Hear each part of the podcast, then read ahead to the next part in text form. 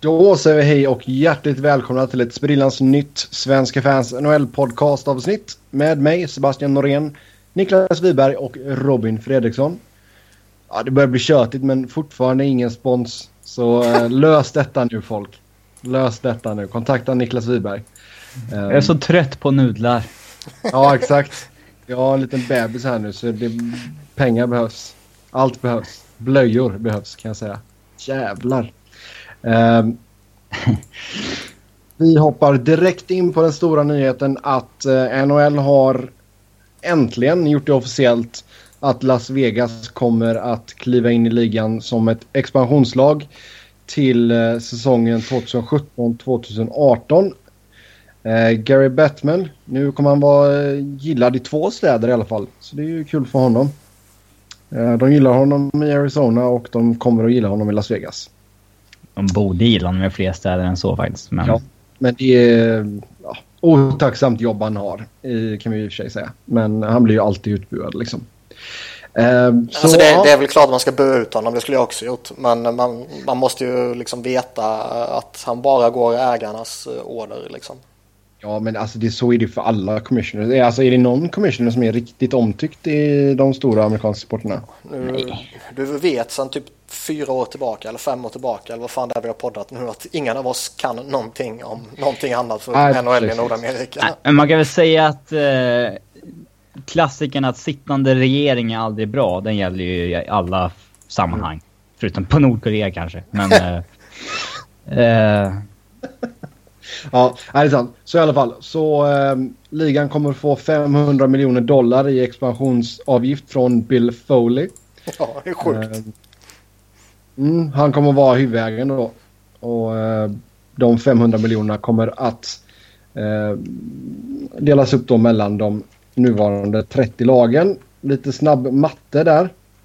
Så kommer vi fram till att det blir... Vad blir det Niklas? Jag vet inte om det är jämnt fördelat eller? Ja, det står jämnt fördelat. Så 500 delat på 30. Det är 16,6 66667. Mm. Mm. Och fem. Så det är, det är lite bra fickpengar där. Kan man, kan man ju lugnt säga. Ja. Eh, det var ju lite surr om att det kanske skulle komma ett till lag då och då var ju Quebec City på kartan ganska länge men eh, Spontant så kan jag, kan jag tycka att detta är bra. Las Vegas är ett bra första steg. De passar bra in i western. Man behöver inte hålla på och pula med och kasta om lag. Och, uh, mm, det blir spännande detta. Niklas, jag vet du har redan kollat på flyg. ja, ja, det är inte så vitt. um... Det kan vi köra live. Svenska fans NHL-podcast live från Las Vegas. Ja, ja, Allihopa. Det ja. hade varit någonting. Från uh, The Strip. Ja. Men eh, det, det som var lite intressant som de sa det var ju att eh, i och med att de bekräftar Vegas nu så ja, vad ska man säga, så stänger de ju den här expansionsrundan så att säga. Mm. Eh, så ska det bli aktuellt i framtiden så kommer de starta upp processen från start igen så att säga. Liksom. Och det känns väl som att de kanske hintar återigen om att det kanske inte är Quebec som de är toksugna på utan att det är kanske Seattle. De vill ju in Seattle. Ja. ja. Nej, men jag förstår det. Alltså. Det, det, det är logiskt på många sätt. Uh, Quebec kan väl vara ett alternativ om ett lag i East skulle behöva relocata liksom. Carolina! Aj, nu sprängde mina trumhinnor. Gött. Ja, um, jag kommer det bara tjuta i öronen hela... Det är värre än barnskrik. um, du försöker verkligen få uppmärksamhet för det här tillskottet i familjen, Sebastian. Nej, det, jag fick ju uppmärksamhet av dig där på Twitter. Det var ju mycket respons där. Så det är bara att tacka så hjärtligt för alla gratulationer. Ja. Uh, jag är förkyld ska folk veta. Mm. Fy fan. Exakt. Vad är det de säger där? Eh, den klassiska reklamen. Vilken reklam? Det är ju den eh, när det är en man som är förkyld. Men hallå, den, den reklamen var ju stor när Robin var typ två år. Ja, det är i och för sig sant. Uh, vad är det? Ni kvinnor ska inte klaga på att vara gravida. Jag aldrig, ja, vad säger du? Ja, det är något sånt. Ni, ni kvinnor klagar över att föda barn men ni mm. vet inte hur det är när en kille är riktigt förkyld. Ja. Det känns inte som en reklam som skulle gå det här nu för tiden. Nej, den är inte PK längre. det kan man lugnt säga. Det kan man lugnt säga.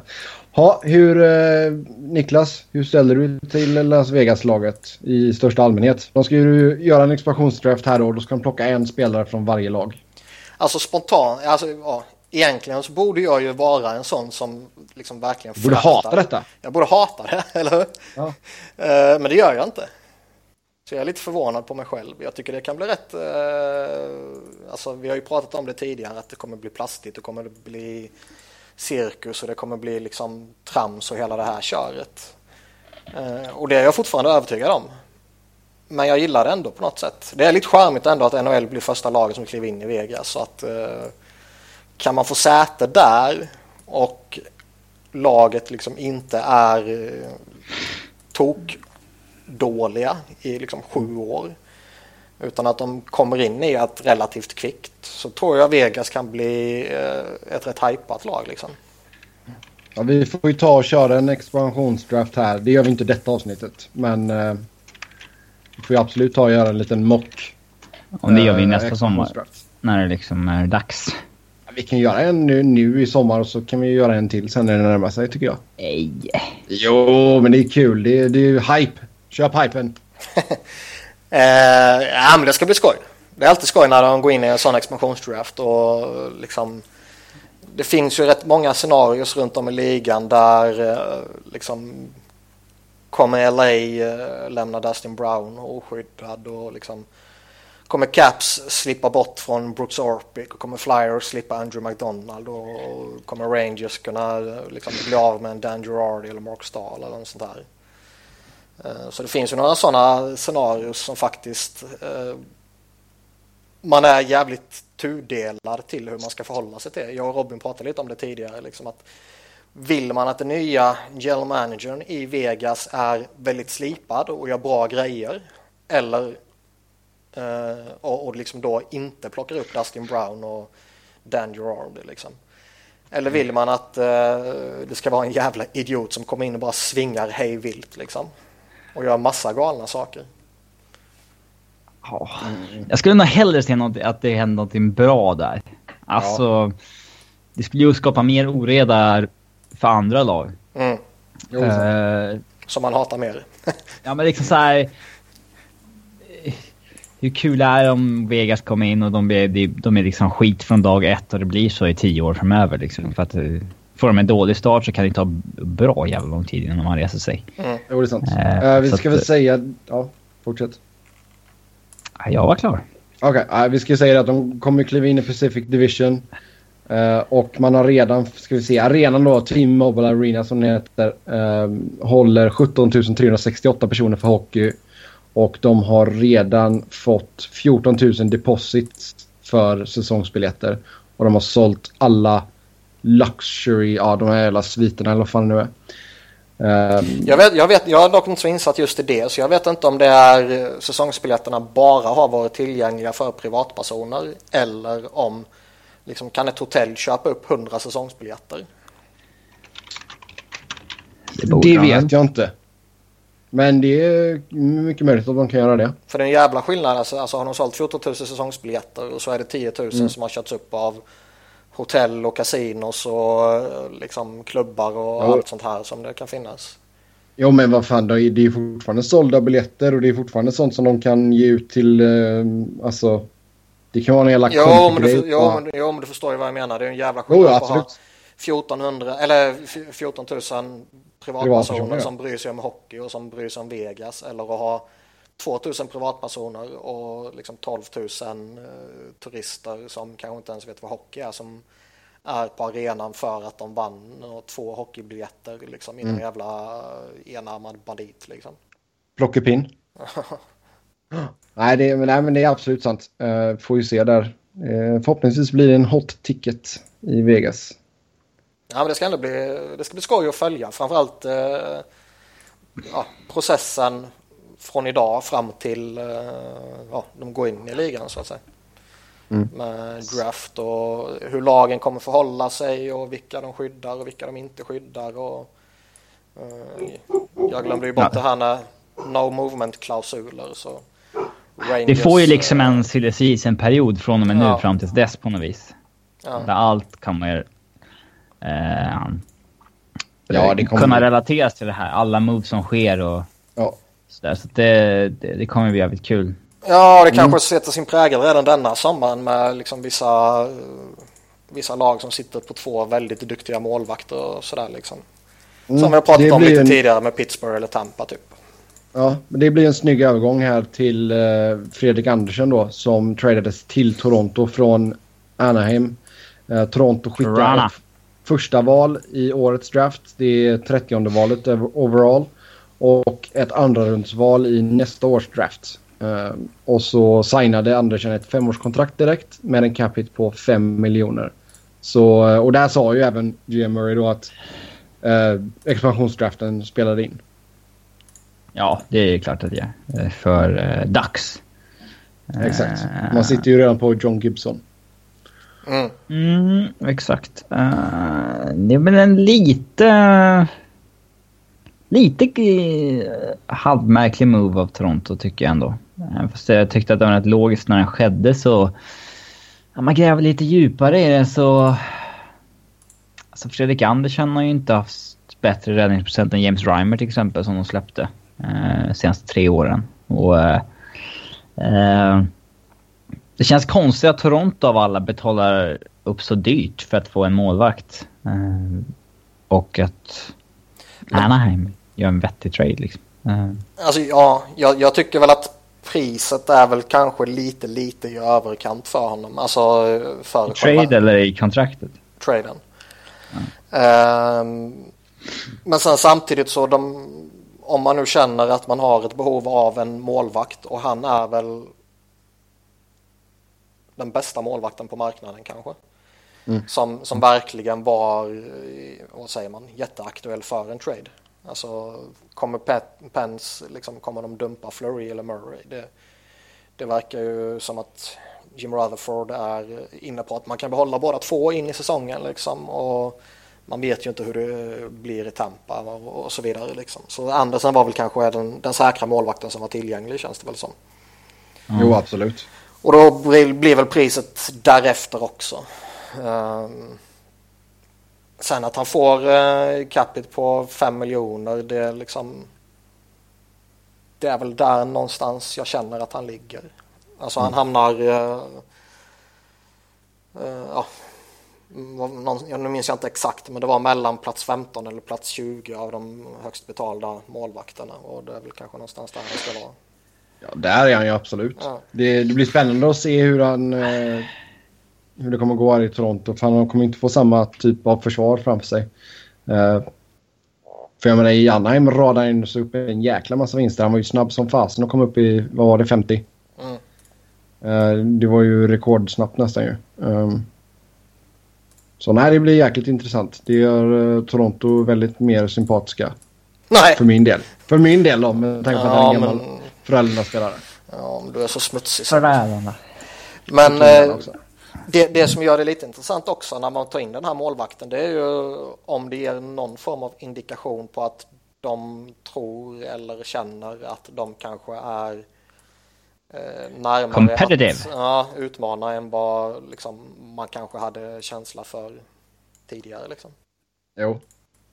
Eller, om de, eller om de bara känner att eh, nej, men om våra kids ska utvecklas så behöver vi ha hyggliga stöttepelare. Liksom. Och, Eller om man kände att med en expansion draft om ett år att ska man hugga en målvakt så är det nu det är läge för nu kommer det säljas målvakter. Liksom. ja. Eh, och det blir intressant hur det här påverkar marknaden för, för Calgary. För det fanns ju liksom två köpare på marknaden av en målvakt och det är ju Toronto och Calgary. Nu är det bara Calgary kvar och det är väl egentligen minst två lag som i alla fall i mina ögon behöver trada en målvakt och det är ju Tampa och eh, Pittsburgh om de eh, vill få någonting vettigt för dem. Eh, Ja, exakt. Om de inte vill liksom riskera att gå in i säsongen och så finns det ingen köpare då under säsongen. Och, Mm. eh, och kanske då till och med Avs då, som eh, har situationen med Varlamov och Pickard då. Men inte, som inte är lika... Jag tycker att Matt Murray och Andrei Vasilevski har ju visat visat mer än Calvin Pickard så där skulle jag väl... Jag tycker väl Avs har väl en... Eh, borde vara, kanske vara mindre angelägna att skicka sin etta än vad eh, Tampa och Pittsburgh är. Ja, men det är en stor skillnad tycker jag. Ja, sen så Anaheim, vi fortsätter med dem här. De eh, signar nytt med Sami Vatanen, fyra år. Capiten landar på just under 4,9 miljoner. Ja, det var ett väldigt bra kontrakt för dem faktiskt. Mm. Eh, något oväntat. Eh, man undrar ju vad det innebär för Hampus Lindholm bland annat. Eh, och sen så det var många Colorado-supportrar som jublade för att många tycker att Sami Vatanen och Tyson Barry är ganska comparable. Och det kan man väl hålla med om. Eh, och snacket som varit har väl att Tyson Berry vill ha mellan 6 och 8 miljoner. Oj, hybris. Eh, ja. Förmodligen närmare 6 antar jag. Mm. det, det var något som Dreger sa för typ 8 månader sedan. Så att... Men vi får se. Eh, ja. Det som är intressant här egentligen är ju hur Anaheim kommer göra med eh, sina backar. För jag förutsätter ju att Lindholm kommer förlängas liksom. Det, det kommer mm. ju ske. Och ska man då gå in i expansionsdraft nästa sommar eh, så har du liksom Kevin Bjäxa som måste skyddas. Du har eh, Lindholm som du vill skydda, du har Ken Fowler som du vill skydda och du har Sami Vatanen som vill skydda. Eh, vilket är fyra backar och du får ju skydda tre backar och sju forwards eller totalt åtta utespelare. Mm. Ja. Fy fan vad den här Bjäxa-traden sög för dem alltså. ja. Men äh, ja. Det är väl en sak att trada för honom när han är ett år kvar liksom. Men förlänga med honom direkt. Det är ju det ja. som är galenskap. Precis som, mm. precis som Avs gjorde med Brad Stewart. Ja. Um, Okej okay, att du tar in en veteran på ett utgående kontrakt liksom. Vad fan det... Mm. Men det här borde väl innebära att Cam Fowler hamnar på marknaden? Man tycker ja, det. är mycket möjligt. Visst är det svårt att tro förresten att Cam Fowler är yngre än Sami Vatanen? Mm. För att Cam Fowler har varit med så mycket längre. Vatanen känns ju mm. som han är liksom 21 eller någonting. 21, 22, sen 25. Mm. Past prime. alltså de kan väl alltid be Bexa och wavas in i no movement. Varför skulle han Ja, men varför skulle han det när han liksom flyttar familjen dit och är väldigt eh, noggrann med att få en sån klausul? Ja, det var en jäkla grej när han kom dit. De, han skulle ju tradas till San Jose först, var det väl. Men så fick han ingen movement-klausul där, eller han ville få förlängt direkt. Eller liksom. Uh, jag minns att det var en stor grej med familjesituationen i alla fall. Uh, så att, nej, de sitter lite i skiten där. Mm. Det sades ju redan när Kessler signade att planen då var att han kanske skulle dumpa sin expansion draft. Men så sitter han på någon moment nu också. Mm, så då blir det att man måste skydda Perry, Getzlaff, Kessler och Fast. Kesslers mm. Klausul börjar inte förrän senare på kontraktet. Gör den inte? Eh, säsongen mm. 21-22. Mm. Nej. Inte enligt Cap Friendly. Eller hans no movement klausul går ut sista året. Då blir det en modified no trade. Jaha, det var jag som läste på uh, frågetecknet. Eller... Jo, han har uh, movement från 1617 till 2021. Ja, det var jag som läste på uh, Mouse Over som var en uh, förenkel, förenkling bara. Jag gick inte in på kontraktet Aha. så jag misstolkade okay. det. Det var lite otydligt där. Ja. Men... Ja. Uh, det är det klart, det är klart. Ja, na, nej, de måste ju offra någon spelare. Mm. Alltså antingen och. måste de kanske offra en Silverberg eller en Rakell eller någon annan eh, där runt omkring liksom. Ja, bra, bra spelare kommer hamna i draften, så är, så är det ju. Ja, om de inte äh... tradar. Alltså de, de bör ju trada någon av backarna liksom. Mm, eh, Tobbe är väldigt... Eh, han vill att vi ska läsa. Eh, de kan ju alltid köpa ut det extra nästa sommar. Mm. Ja, men vi har också ett Anaheim som sitter på en uh, intern budget. Frågan är hur intresserade de är av det. Mm. Sånt. Snåljåparna i Anaheim helt enkelt. Eh, sen såg vi Brian Bickel och Teuvo Teravainen gå till Carolina i utbyte mot ett andrarumsval och ett tredjerumsval till Chicago. Jag har inte chatten uppe faktiskt, så jag läser ingenting. Så eh, man blir av med Bickels kontrakt, men man får även slänga in Teravainen för att krydda till det. Ett jättehögt pris man får betala. Mm. Och det är ju tämligen uh, oduglig sits uh, som man tvingar sig själv in i. Ja, absolut. Det är Carolina, alltså Tevo. Alltså, Nej, men alltså det, det, är ju guld för dem. Alltså de, de, ja. ju, de var ju en bra bit från golvet liksom, så de var ju tvungna att ta sig över lönegolvet. Och då är det ju bättre att ta in ett ettårskontrakt uh, för en spelare som alltså Brian Bickle släng in han i en fjärde eller tredje kedja så gör han ju ett gott jobb liksom. Det är mm. inte så att han inte kan spela i NHL. Um, så det är bättre att, ta in ett sånt kontrakt än att kanske tvingas uh, signa upp en UFA på två eller tre år. Absolut. Jo, han är ju bara överbetald liksom. Det är ju ja. där problemet ligger. Uh, och, för att, och då, för att, ta in honom nu den här säsongen, liksom, det är ju icke-problem för Keynes. Det är ju mm. som sagt det är ju bara fördelaktigt för dem. Uh, och dessutom får de Toivo Teravainen då som är lite av en personlig favorit för mig som uh, redan är duktig och kommer bli ännu mycket bättre. Sluta hata på mig Robin. Mm. Alltså han har ju inte fått något sånt där kanongenombrott. Han har inte... Men jag tycker han har ju visat att han har kvaliteterna. Ja, för att bli jag, håller, jag håller med om att han inte har slagit igenom på det sättet. Det har mm. han ju inte. Så det ska bli skoj nu. Eh, alltså, man kan ju se situationen i Chicago på olika sätt. Antingen eh, är det svårt att få det där genombrottet för du har svårt att slå dig in i typ en topp 6-roll och så vidare. För att det är så många skickliga spelare som du konkurrerar med. Mm. Eh, eller så är det dåligt att man inte fått genombrottet för att du är omgärdad av så många skickliga spelare. Eh, det beror väl på lite om glaset är halvfullt eller halvtomt liksom. Ja, alltså jag nu, Robin du brukar vara bra på att hitta sådana här grejer. Men vilka, vilka har han spelat med mest? Beckow? Nej. Um, Terravainen. Terravainen. Eh, senaste året, eller? Mm. Han har spelat med...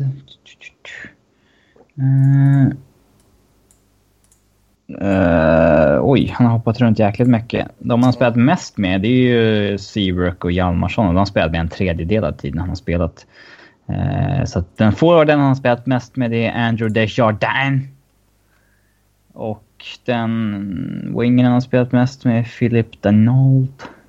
Sen är det Taves, Hossa. Det är en väldigt stökig blandning faktiskt. Mm. Det är ingen... Det är kanske inte helt optimalt för en 21-åring heller. Nej, det är det inte. Det är inte optimalt mm. för någon. Men det, det, skulle bli liksom... Det skulle bli skoj nu att se honom faktiskt eh, liksom slängas in i en eh, offensiv roll med... Eh, nu har ju inte Keynes jättemånga bra spelare, men de har ju några stycken. Mm. Antingen om man sätter honom med Jeff Skinner eller man kanske slänger ut honom på en vinge och låter honom spela med Jordan Stahl eller eh, något sånt där. Eh, det, ska, det ska ju faktiskt bli intressant att följa. Så Niklas kommer till och med att titta på Carolina-matchen den kommande säsongen? Det är ju helt Ja, farligt. när de möter Flyers kommer jag att titta. de har ju faktiskt då... ett rätt spännande lag på gång. De har mycket roligt att följa tycker jag. Alltifrån deras backar med Hannifin i spetsen och Justin Falk är alltid rolig att, följa liksom. Och de här som är på uppgång nu också med Flurry och lite så här. Och mm. Slänger du in en Sebastian Aho på det också och... Och en flytt till Quebec. Vad sa du? Och en Quebec. ja, en Quebec. ja, de är Alexis Sarla också som de fick av Rangers. Ja. Eh, och, eh, ja, och Cam Ward blir kvar. Ja. Tänk, bara en ja. sån sak. Exakt, perfekt övergång. Uh, Cam Ward signade ett nytt tvåårskontrakt. Uh, gick ner rejält i lön och har nu en cap hit på 3,3 miljoner. Ja, det, jag vet inte riktigt vad man ska tycka om det där. Han... Fortfarande dyrt. ja, han, å ena sidan, de har enormt mycket cap space och typ måste ju mm. spendera fortfarande. Men å andra sidan, han har ju redan fått ett par miljoner för mycket av dem. Ja. Eh, sett till hur bra han var sista tre, fyra åren på det här kontraktet. Så att... Eh, ja, jag... Jag kan köpa att man behåller honom, kanske. Men eh, jag hade nog satsat på något... Att hitta något bättre på marknaden. För det kommer mm. finnas. Alltså det finns väl bättre på marknaden. Du kan ju, förmodligen kan du väl gå efter en James Reimer till exempel. Mm. Um, jo men du påpekade ju det i Niklas förra avsnittet att han är ju familjär med klubben liksom. Han vet ju how ja, things work. Han är dålig. Ja, han är för, ja, det, jag vill inte försvara honom på något sätt så liksom. Det är fortfarande en överuttalning men du vet vad du får av honom. Du committar bara två år eh, till skillnad från att plocka in en kanske Reimer eller något sånt så skulle du förmodligen få skriva ett längre kontrakt. Ju. Mm. Eh, ja. Det, det, är, det, är, väl de fördelarna jag kan se och sen som Robin var inne på tidigare och som vi sa kring Bickel också att eh, de behöver slänga iväg några miljoner liksom. Mm. Och jag kan väl då se en fördel i att eh, slänga iväg de miljonerna på någonting du känner dig bekväm med och som du vet vad du får och hela det här köret. Mm. För jag har ju golvet på 54. Mm. Stämmer det? Mm. Och det är klart nu att taket blir 73 så det blir en ökning ja. på 1,5 plus någonting. Ja, 1,6. Ja. ja. Så de har fortfarande lite att spendera för att ta sig upp till golvet till och med. Det, ja, det, det är starkt. Ja, men de har väl några kontrakt de ska skriva, någon RFA och några, eller några RFA, så någon UFA kanske de vill behålla. Och... Mm. För ta väl kanske in någon UFA också liksom. Jo, absolut, absolut. Ja, sen eh, så såg vi Kit Yanders rättigheter gå till Florida i utbyte mot ett sjätte rundsval och ett conditional fjärde rundsval till Rangers. Det är ju fantastiskt skoj hur mycket Rangers har gett upp för att få ut så extremt lite av Jandal och Eric Stahl. Ja. Det... Men det är en bra move av Florida tycker jag. Det är de kanske... De har säkert jäkligt svårt att signa Jandal, men... Eh, det är ju så att man ersätter Brian Campbell med Jandal så har man gjort det jäkligt bra. Mm. Absolut. Eh, de, har ju nog, de har ju nog gjort det jäkligt bra om de lyckas behålla Campbell också, men... Eh, ja. Någon Nej, av dem bara. Ja, exakt. Så länge du får en av dem så ska man ju vara nöjd. Men mm. eh, ja, det känns väl som att prioriteringen bör ju vara Jandal ju. Och det känns väl lite som att eh, går de efter Jandal här och nu så har de väl kanske fått indikationer om att Campbell eh, inte är jättesugen på att bli kvar. Mm. Campbell är sugen på att gå tillbaka till Chicago tydligen. Ja, och eh, det känns ju som att han måste gå på ett väldigt billigt kontrakt i så fall. Ja, absolut. Jag håller honom fortfarande högt. Jag tycker fortfarande han är en väldigt kompetent back. Och jag skulle inte ha något emot att signa honom på ett eller två år. Uh... Nej, och det har ju varit lite av Chicagos business model också att ta in någon alltså, gammal veteran. Jo, men jag menar de kan ju inte ta in honom på ett år för 6 miljoner som han... Ja, det är kanske där någonstans han, han ska ha liksom. Ja. Mm. Det är fortfarande back som är värd en sån paycheck. Så det blir svårt. Ja, utan han får göra liksom en uh, Brad Richards och gå dit på ett ettårskontrakt för uh, mm. småpengar liksom i jämförelsevis. Mm. Ja. Om ens det fungerar. De har ju mm. extremt lite capspace nu. De kommer ju få 3 miljoner i uh, bonusar från den här säsongen som tickar över till nästa säsong. Bland annat på Panarins kontrakt och sådär. Och de har väl fortfarande några spelare som de behöver signa upp. De har liksom nio forwards under kontrakt och de har eh, sex backar under kontrakt bara. Så frågan är mm. om de ens har eh, utrymme för det. Ja, det är sant. Mycket att fundera på i Chicago där. Sen såg vi Arizona träda till sig rättigheterna för Alex Goligoski. De skickade ett femterumsval till Dallas och sen så signade man Goligoski på fem år strax under 5,5 miljoner cap hit. Ja, den eh, första stora moven vi såg John Shaika göra i eh, Arizona. Och det tycker jag är väldigt, väldigt lyckat. Förmodligen så hade Arizona inte haft någon suck att få eh, Goligoski om de hade lagt samma bud på honom eh, på öppna marknaden så att säga. Då hade det alltid funnits någon mer attraktiv destination som hade lagt samma men... Eh, Ja, och sen hade du gått efter en likvärdig back på marknaden. För, alltså en trade så hade det kostat mycket mer. Ja, så här man betalar ett väldigt litet pris för att komma först i kön här och så skärmar man honom tillräckligt att signa ett, ett rimligt kontrakt också. Ja, sen, sen var det lite som Shaika sa också att det här är ett stort steg från oss att kunna signa upp honom på det här kontraktet när vi tidigare var på hans no trade-lista liksom. Mm, absolut, så han kommer väl gå in och uh, bära andra paret där då. Mm. Bara Ekman Larsson tror jag du skulle säga. Nej, han kommer Peta bära... ner Oliver till andra paret. Nej, tvek på den då. Men, mm. Men jag tycker ändå... Alltså... Han fyller en jättestor funktion för dem och mm. han kommer ju avlasta Ekman Larsson en hel del tror jag. Uh, det vettiga är väl att spela dem i varsitt par. Ja, och då kan du liksom skicka och Grossman ut... i tredje och så har du tre stabila. Nej, men då har du ju liksom två toppbackar som du kan skicka ut i vilken situation som helst och inte oroa dig egentligen. Sen är det klart att man ska prioritera att få ut Ekman Larsson på de viktigaste eh, teckningarna och hela det här kört liksom. Jo, men alltså i, men... i det slutminuter du, jobb, du jagar kvitteringen eller någonting. Jag vill bara slänga ut båda två och hoppas på det bästa. Jo, så är det. Och ja. jag tycker väl... Ja, hans capita är väl, med tanke på att han skrev ett rätt långt kontrakt så är väl capiten i mitt tycke sett till vad jag tror han kommer bidra med över fem år. Kanske lite i högsta laget. Men samtidigt så är väl också Arizona fortfarande i ett läge där de måste pröjsa lite mer för att antingen behålla spelare eller i synnerhet Nej. attrahera spelare. Absolut. Verkligen.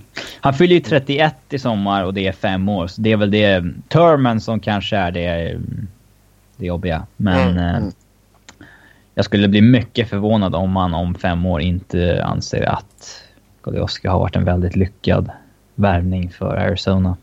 Mm. Mm, nej, det är sant. De eh, letar ju fortfarande hög, en vettig ja. högerback också. Ja, ja det, det, är ju inte lätt i sommar. Det är, alltså det är ju Jason Demers som är på marknaden och han är ju bra. Men sen är det typ näst bästa högerbacken. Det är typ Luke Chen. Alltså det finns ju ingen annan. Nej. Så har ni det kids, vill ni spela NHL, bli högerback. ja. Mm. Uh, sen så såg vi Jimmy Wasey gå till Buffalo uh, i utbyte mot ett tredjerumsval som gick till Nashville. Han gick ju direkt ut och sa, eller om det var hans agent, jag minns inte vilket, och sa att de ska testa marknaden. Ja. Uh, det kanske bara är något man säger för att ja, sätta lite, lite press på, på Sabres. Liksom. Mm. Att, nu har ni tradat för mig, se till att hosta upp ett fett kontrakt. Annars kommer jag prata med andra lagen. Um, mm. Och man kan väl inte på något sätt eh, liksom eh, vad heter det, utesluta att han signar för Sabres i, imorgon liksom. Men det var väl också lite som hans agent sa att med tanke på att han har blivit behandlad i Nashville så vore det väl konstigt om han inte vill testa marknaden. Ja, det är sant. Ja, sen eh, Michael Hutchinson. Det, intressant, det intressanta ja. här också är väl att han och Eichel har väl eh, lirat tillsammans. Mm. Yes, det tror jag. Japp. Ja, sen då, Michael Hutchinson, Winnipeg, tvåårsförlängning, 1,15 miljoner capita. Ja, eh, han är väl en förhållandevis pålitlig målvakt som, mm. eh, ja, om, vad ska man säga, om allting går som Winnipeg förmodligen hoppas att det ska gå så ska väl Connor Hellback och Eric Comrie vara det långsiktiga paret liksom. Mm. Eh, och kan du då ha Hutchinson till att eh, liksom säkra upp den här övergångsperioden så är väl det ett alldeles utmärkt alternativ. Mm. Och sen har vi Sven Berchi, eh, Vancouver, två år, 1,85 miljoner. Ja, alltså egentligen är det väl ingen som bryr sig om Vancouver. Men eh, det känns väl ändå som att han ändå har på något sätt visat eh, någonting. Han var ju rätt hypad tidigare och har väl inte riktigt motsvarat den hypen. Men han mm. gjorde ändå 15 pyts den här säsongen i ett Vancouver som är skitdåligt. Eh, vilket man ändå får se som någon form av eh, vettig prestation. Mm. Ja, eh, sen vet jag att du poppade champagnen när Philadelphia sa att man köper ut RJ Umberger. Ja. Eh, det var rätt väntat att det skulle ske. Eh, för det var ju snack om det redan när man genomförde traden. Mm. Att han, sista året eller de två sista åren till och med kanske man köper ut. Nu tycker jag väl det är rätt att man inte gjorde det förra sommaren för även om han sög under säsongen så det, ja, det är ju uppenbart fördelaktigt att köpa ut när det är ett år kvar och inte två år kvar. Så nu, ja, spar, nu sparar man ju in 3 miljoner eh, mot capen kommande säsong och eh, pröjsar eh, 1,6 eh, mm. efterföljande säsong. Och det är ju klart hanterbart. Ja, det går ju ingen nöd på Philly så sätt va? Nej, och liksom eh, man är ju en, alltså jämför idag med för några år sedan så är man ju en extremt gynnsam cap-situation. Um, jag kan kasta lite av de expansionspengarna på hamburger där. ja. Uh, nej men för liksom Visst du har Mark Strite som han är väl förmodligen inte värd 5 plus miljoner men han har ju utgående kontrakt också så det är ingen större fara liksom. Och det enda dåliga kontraktet du har, vilket i och för sig är åt helvetes dåligt, det är ju Andrew McDonald. Mm. Men de flesta lag har väl någonstans råd med ett klappdåligt kontrakt. Mm. Eh, så blir du av med Umber, du har blivit av med Vinilla Cavalier, du har blivit av med Lucian och Grossman och... Eh, Köper man ut Voracek eller? och så har du sluppit undan från Prongers kontrakt vilket alltid ger lite problem och hela det här köret så det, det är väl jättebra. Och lyckas man nu bli av med Mark Strite så Uh, ser det ju väldigt gynnsamt ut och det börjar ju till och med pratas om att man ska gå efter någon på UFA-marknaden. Och Hextall har ju, jag minns inte hur mycket vi pratade förra avsnittet, men Hextall har ju sagt att han gärna vill förstärka forwardsbesättningen. Om det sen är... Ja, alltså vi kan väl lika gärna hoppa in på honom nu. Uh, han har ju meddelat att han kommer testa marknaden och inte komma överens med Kings. Och mm. Eh, vilket är fantastiskt skoj, eh, givetvis. Men jag tror definitivt att Flyers kommer gå efter honom. Det har väl, Hextall har väl pratat rätt mycket och gett klara indikationer på att man inte är intresserad av att signa upp sig på något long term kontrakt liksom. Vilket Milan Lucic garanterat lär kräva. Jag kan tänka mig att han kräver 6 gånger 6 eller någonting. Uh, och det skulle jag väl inte vilja signa honom på. Nej. Jag tror mycket väl att han kommer vara effektiv i några säsonger till. Men uh, som jag brukar säga, alla powerforwards bryts ner någonstans när de är kring 30-årsstrecket och förmodligen är väl inte han något undantag och det är inte så att han är en skridskovirtuos idag. Det där är klurigt. Så här, vi, man snackar ju ofta om han, ja, alltså, han har ju inte byggt sitt spel med speed heller. Så då kanske det inte gör så mycket om han tappar speed. Nej, så är det ju. Och jag menar, vi har ju sett Jerome McGinley som har klarat att hantera det eh, på alldeles, alldeles utmärkt sätt genom hela sin karriär.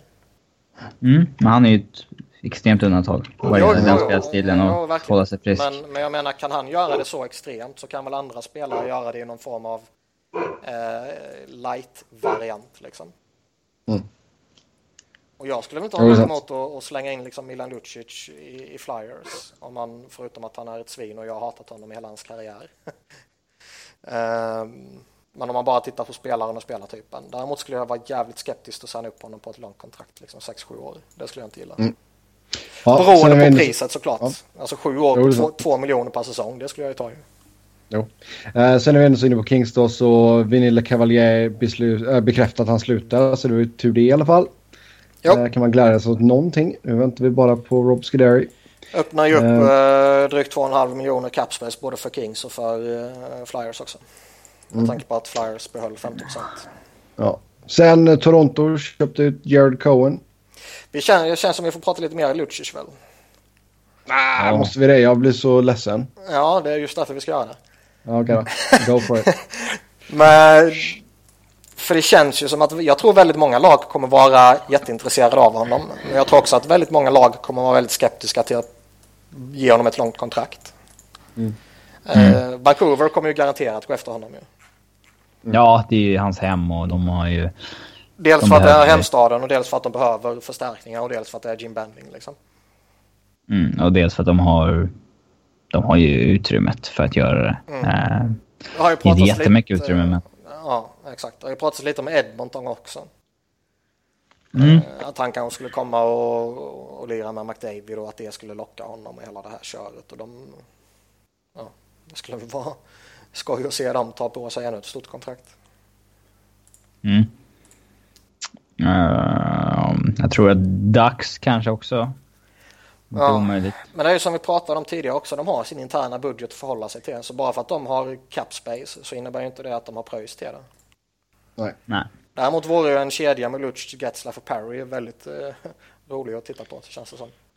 Den har varit smutsig. Ja. Jag kan väl tänka mig att kanske lag som Dallas kanske är sugna på honom. Eh, Vilken grinfaktor det har varit på den kedjan. ja. Uff. Ja. Buffalo Eh, kommer väl säkert, uh, känns som att. Murray, Murray där kommer väl hugga på typ alla stora och se vad som... Det känns ju som att han är öppet för allting liksom. Kanske Arizona också. Mm. Kanske. Boston kanske vill ha tillbaka honom. Ja, vi Rangers se kanske försöker sig på någonting. Vi får se vad som händer. Men underbetyg till Dean Lombardi i alla fall. Eh, Ja, han har ju visat sig nu mot slutet att han är tämligen oduglig. ja, det är inte bra detta. Det är en dålig trend. Han är... Det är fantastiskt skoj allt han gjort här mot slutet och tappar Lucic här och sen hur han fuckar upp hela team eh, USA liksom. I World Cup. Ja. Så det, ja, det är gött. Fint. Mm. LA behöver bli eh, obetydliga igen som jag har sagt några gånger. Ja, det har gått lite för bra för dem. Mm. Eh, Chicago hör sig för om Evgeni Malkin. Det är ju så sjukt. Eh, Bob McKenzie sköt väl ihjäl det här ryktet rätt hårt också om det var igår eller i förrgår. Mm. Eh, Darren Dreger sa väl också någonting om att det finns typ ingen substans i det här. Och Ja, svår, alltså vad, vad fan skulle det kunna vara för trade liksom? Ja. Det var ju någon som skrev att det gällde ja, Marcus Kryger och Anissimo skulle vara inblandade. Men var- varför skulle Pence göra det? Nej, alltså... Duncan Keith är väl typ den enda som skulle kunna vara liksom jämförbar med Malkin på något sätt. Eh, Jag skulle ju aldrig ta på mig Jonathan Toews kontrakt. Eh, Patrick Kane är väl värd sitt kontrakt liksom kortsiktigt om han fortsätter producera på den nivån han gör och liksom vinner poängligan i över 100 poäng och hela det här köret. Men det är fortfarande ett ett eh, långsiktigt mindre gynnsamt kontrakt om man säger så. Mm. Eh, och liksom vad, alltså, utöver Keith så finns det ju ingenting attraktivt. Liksom. Du vill ju inte ta på dig Brent Seabroos kontrakt. Du vill ju definitivt inte ta på dig Marian Hossas kontrakt. Och Anisimov håller jag högt. Han är jätteduktig och liksom har pluggat in en, eh, fyllt igen ett viktigt hål i, i Chicagos laguppställning. Liksom. Mm. Men du byter ju inte han plus lite eh, övrigt skräp sådär mot Malkin. Liksom. Det, det ger ju nästan Joe Thornton-vibbar den traden. Liksom. Ja, Varför skulle de göra det nu? Alltså hade de floppat i år igen, eh, Pittsburgh, och liksom... Då hade man kanske trott att okej, okay, nu kanske de spränger det där. Eh, men nu när, nu när de vann med Crosby och Malkin, varför skulle de ändra om då? Nej, det har du helt rätt i. Det har du helt rätt i. Calgary ryktas prata med Tampa Bay om Ben Bishop samt med Pittsburgh om Mark-André Fleury. Och vi nämnde detta lite tidigare då. Niklas, du var ju uppe med det på tapeten där att Calgary, eller var det du Robin? Ja, I vilket fall som helst. Calgary behöver en målvakt. Eh, vem, vem tror ni hade passat in bäst i Calgary och vem tror ni kommer, skulle kosta dem minst att införskaffa? Nu har det väl kommit upp att uh, Valamov kan vara aktuell också. Eh, Ja, att det var den, att det är den de, de ska föredra i alla fall. Ja. Av de här tre. Eh, men jag tror nog också att den kanske är den dyrare eftersom RFC kanske är mindre angelägna att släppa honom. Eh, jag, skulle, jag skulle väl helst eh, ta in Bishop för han är väl den bästa målvakten. Ja, det tror jag. Men eh, han kommer ju bli dyr också. Mm. Han kan de ju förlänga med direkt också. Ja. Och, så att, eh, han är väl attraktiv på det sättet. Mm. Eh, Jag vill se vad som händer, men så här, Calgary behöver ju desperat målvakt. Ja, men de kan, de kan ju ha is i magen här i och med att det är tre... Alltså det, är, det är flera lag som säljer målvakter än det som köper. Som köper, ja. Och det...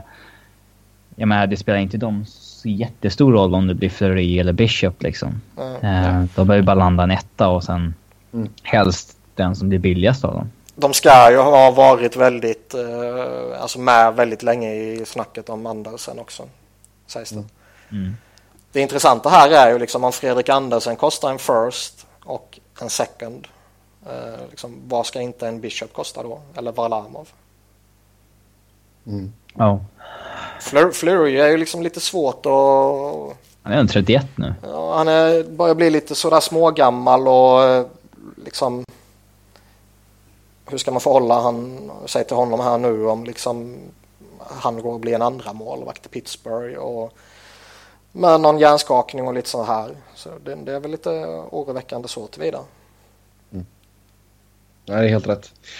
Ha, sen eh, Pavel Datsuk lämnade Detroit för KHL. Det har ju varit... Ja, det visste vi ju ganska länge. Att det var på tapeten att han skulle lämna. Det har blivit officiellt. Och eh, sätter inte Detroit i den bästa sitsen. Nej, alltså nu... Det, det, det som är lite skoj här det är ju att eh, snacket som kommer nu om att eh, Datsjuk inte liksom visste vilket regelverk som fanns och att han inte bara skulle kunna sticka när han ville liksom, utan att det påverkar på något sätt. Eh, det kommer ju till och med något snack om att han typ en vecka in på det här senaste kontraktet gick till Ken Holland och sa att det här är min sista säsong med Detroit. Eh, och att han gick med på att skriva ett eh, treårskontrakt för att få ner kappen liksom. Mm. Medan han själv från början ville skriva ett plus ett plus ett plus ett, alltså ett årskontrakt efter ett årskontrakt. Mm. Om det är sant eller inte, det har jag ingen aning om. Men eh, det är liksom en udda situation om, om du liksom ja, har för avsikt att eh, Att bryta tidigt. Ja, att uh, avsikt att bryta kontraktet och du liksom inte är uh, insatt i uh, hur det fungerar då liksom. Mm, om du där kan vara själv läge att vet, prata med uh, agenten. Ja, sen uh, har han ju bytt agent så det kanske finns en anledning då till att han har bytt agent liksom. Uh, han kanske inte ville pissa på Detroit på det sättet som han faktiskt gör nu. Uh, för han sätter ju dem i rätt stora problem. Sen å andra sidan kommer det ju då snack uh, från ett annat håll att Datsjuk och hans tidigare agent då från början ville ha ett femårskontrakt men att Ken Holland uh, lyckades förhandla ner det till bara ett treårskontrakt. Mm. Uh, och hur mycket sanning det ligger i det, det har jag inte heller någon aning om såklart. Mm. Mm. Eh, vi ska tillbaka till Florida lite snabbt där. Eller ja, först och främst tror ni att Detroit kommer kunna trada bort Datsuts kontrakt? kontrakt? Alltså det, ja, det, det tror jag definitivt. Eh, det finns ju snack nu här att man måste pröjsa en typ Thomas Jurko eller uh, Teemu Pulkkinen för att bli av med honom eller kanske ett hyggligt draftval. Och det är alltså... Det finns väl Man- inte så många som verkligen behöver det här för att nå golvet längre? Eller? Alltså det är väl Keynes måste väl fortfarande pröjsa lite och Arizona måste väl fortfarande pröjsa lite. Men deras behov har ju blivit mindre nu också när de fick in typ Goligoski och Bickel och signar upp Cam Ward och så här. Ja, men de behöver... Det är inte så att de, be, att de behöver det här behöver kontraktet. De kan ta det Mm. Ja. om de får något för det, men det är inte så att de är i behov av det här på något vis. Nej, men det Nej, nej, alltså situationen har ju ändrats jättemycket sen eh, efter de här uh, traderna. Ja, så det, jag menar, där sitter ju de nästan i en liten guldsits som man kan få en Jurko eller Pulkinen. Mm. eh, för att ta Datsus kontrakt liksom. Det, Ja, för i det här fallet kommer du inte pröjsa en enda dollar. Du kommer bara ta på Nej. dig uh, Cap. Ja, sju eller sju och en halv, nu minns jag inte vad det här är. mm, På, ett, på ett år och liksom om du då, ja det är ju skitsamma, samma sak om du har en intern budget att förhålla dig till men, och, och liksom du har gott om cap space så Mm. ta på dig det här liksom. Det är eh, inga problem. nej. Ehm, Så jag, jag var- sa ju tidigare att jag var rätt så övertygad om att de skulle kunna bli av med det här jätteenkelt och kanske till och med kunna få någonting för det för att ett sånt här kontrakt är guld värt för många lag. Ehm, nu efter Bickel och Goligoski-tradarna här och Cam Ward då så är jag inte lika övertygad om det. Och nu kanske det till och med är så att de måste betala någon för att ta det kontraktet. Mm. Liksom Ja, det är att de blir av med det om de lockar med en Jurko eller Pulkinen. Det är liksom en gratis prospect för en cap hit. Liksom. Ja. Det, Ja. Ja, sen eh, Dmitri Kulikov kanske kan vara tillgänglig. Um, Det är väl också rätt eh, logisk utveckling känner jag. Eh, mm, ett, ett år kvar på kontraktet, sen blir han UFA. Ja, alltså i synnerhet om de lyckas eh, skriva med Keith Yandel. Mm. De har honom, de har Aaron Ekblad som är bra. Mike Matheson eh, verkar ju vara på fin uppgång tycker jag. Eh, vem vet vad som händer med Brian Campbell och eh, så vidare. Eh, och sen kommer ju Linus Hultström in och ska göra succé enligt Robin. Ja, just det. ja, Ja, stor succé. Stor succé, megasuccé. Eh, och jag, jag måste säga att jag, jag gillar ju jävligt mycket av det som Florida gör denna sommaren. Mm. Eh, Liksom, eh, man blev ju lite skeptisk där när den nya general managern kom in och det första han gjorde det var typ sparka hela jävla uh, tränarstaben och backoffice och hela köret liksom. Eh, sen samtidigt så är det ju sådana saker som man inte har någon insyn i och man vet ju inte hur det har funkat och hela det här köret men det de har gjort uh, liksom trademässigt och allt sånt här är ju jättelovande för Florida-supportrarna. De typ 12 som finns. De är väl en av organisationerna som är, eh, jobbar som mest med eh, den avancerade statistiken också. Jo. Ja, och det syns väl i mycket av deras moves tycker jag. Eh, sen ska vi säga att St. Louis skrivit ett ettårskontrakt med Scott Upshall, 900 000. Ja, men det är väl också eh, någonstans är det ju vettigt att ha några veteraner i ehm, ja, för de lägre, i, ja, lite längre ner i hierarkin liksom. Ja, herregud. Och den capiten är ju definitivt överkomlig. Ja, alltså det är bara att skicka ner honom om det är kaos. Ja, exakt. Ja, nu blir det lite Columbus-snack här. Uh, Columbus lyssnar på bud för tredje valet, alltså third overall. Uh, vill skicka med ett kontrakt dock, typ Hartnell. Och sen uh, även rykten om att man vill göra sig av med Nick Foligno. Vad, vad händer i Columbus? Vad håller Kekkelainen på med egentligen? Kekke! Ja. En tjej säger ju att han är så Kekke trött Koko. på... Eh, Han är så trött på att eh, snacket om att han... Att de... Ja, Han ska plocka en finländare. Ja, han kanske gör det här uh, out of spite. Liksom. Mm. Eh, Men det, verk, Men det, det- verkar ju finnas eh, legitima rykten om man säger så om att de verkligen inte är övertygade om att Puljujärvi är liksom the real deal. the real deal. Och eh, Samtidigt har vi alltid de här ryktena varje år om att något lag i toppen ska skicka ett val och det brukar väldigt, väldigt sällan bli så. Mm. Eh, men... Eh, ja, det... Det är väl an, anmärkningsvärt såklart. Men det, det är också helt rätt. Tycker man inte att Puljujärvi är så bra och när det är så tydligt att han kommer gå trea. Mm. Då är det ju bättre att trada ner än att liksom ta Kachak eller vem nu de håller Ja. högst. Så det, där gör de ju rätt i så fall. Men det jag har sett av de här prospectsna så känns det ju som att det är... Det, är- det är snarare närmare från, mellan, från Puljujärvi upp till Line och Matthews än vad det är från Puljujärvi ner till Kachak och eh, de andra. ja, nej, jag är jättehög på Puljujärvi. Ehm, Han var ju bättre än Line när vi snackade JVM liksom. Så jag är väl eh, liksom... ehm, jag är lite förvånad att, att man inte hög på honom faktiskt. Mm. Sen är alltså, man kan ju alltid diskutera det här eh, position och behov eller eh, bara ta best player available och nå- någonstans kanske de känner att eh, nej men det är en center vi liksom måste gå efter eller det är en back vi måste gå efter eller det är en left winger vi måste gå efter och liksom right winger är längst ner på deras behovslista. Om det är rätt eller fel det, det, det är ju en annan diskussion men det kan ju vara någon sån sits man är i också kanske. Mm. Nej, mycket sant. Mycket sant. Eh, Det som är väl intressant är väl snarare i så fall Scott Hartnell. vad, vad han har kvar att ge. Eh, jag har svårt att bedöma honom. Med tanke på hur jävla oduglig han var sista året i Flyers. Och han verkligen kändes tokslut. Han kunde inte åka skridskor, han tog sina dumma utvisningar och han eh, gjorde några mål visserligen. Men eh, var ju oduglig i mångt och mycket.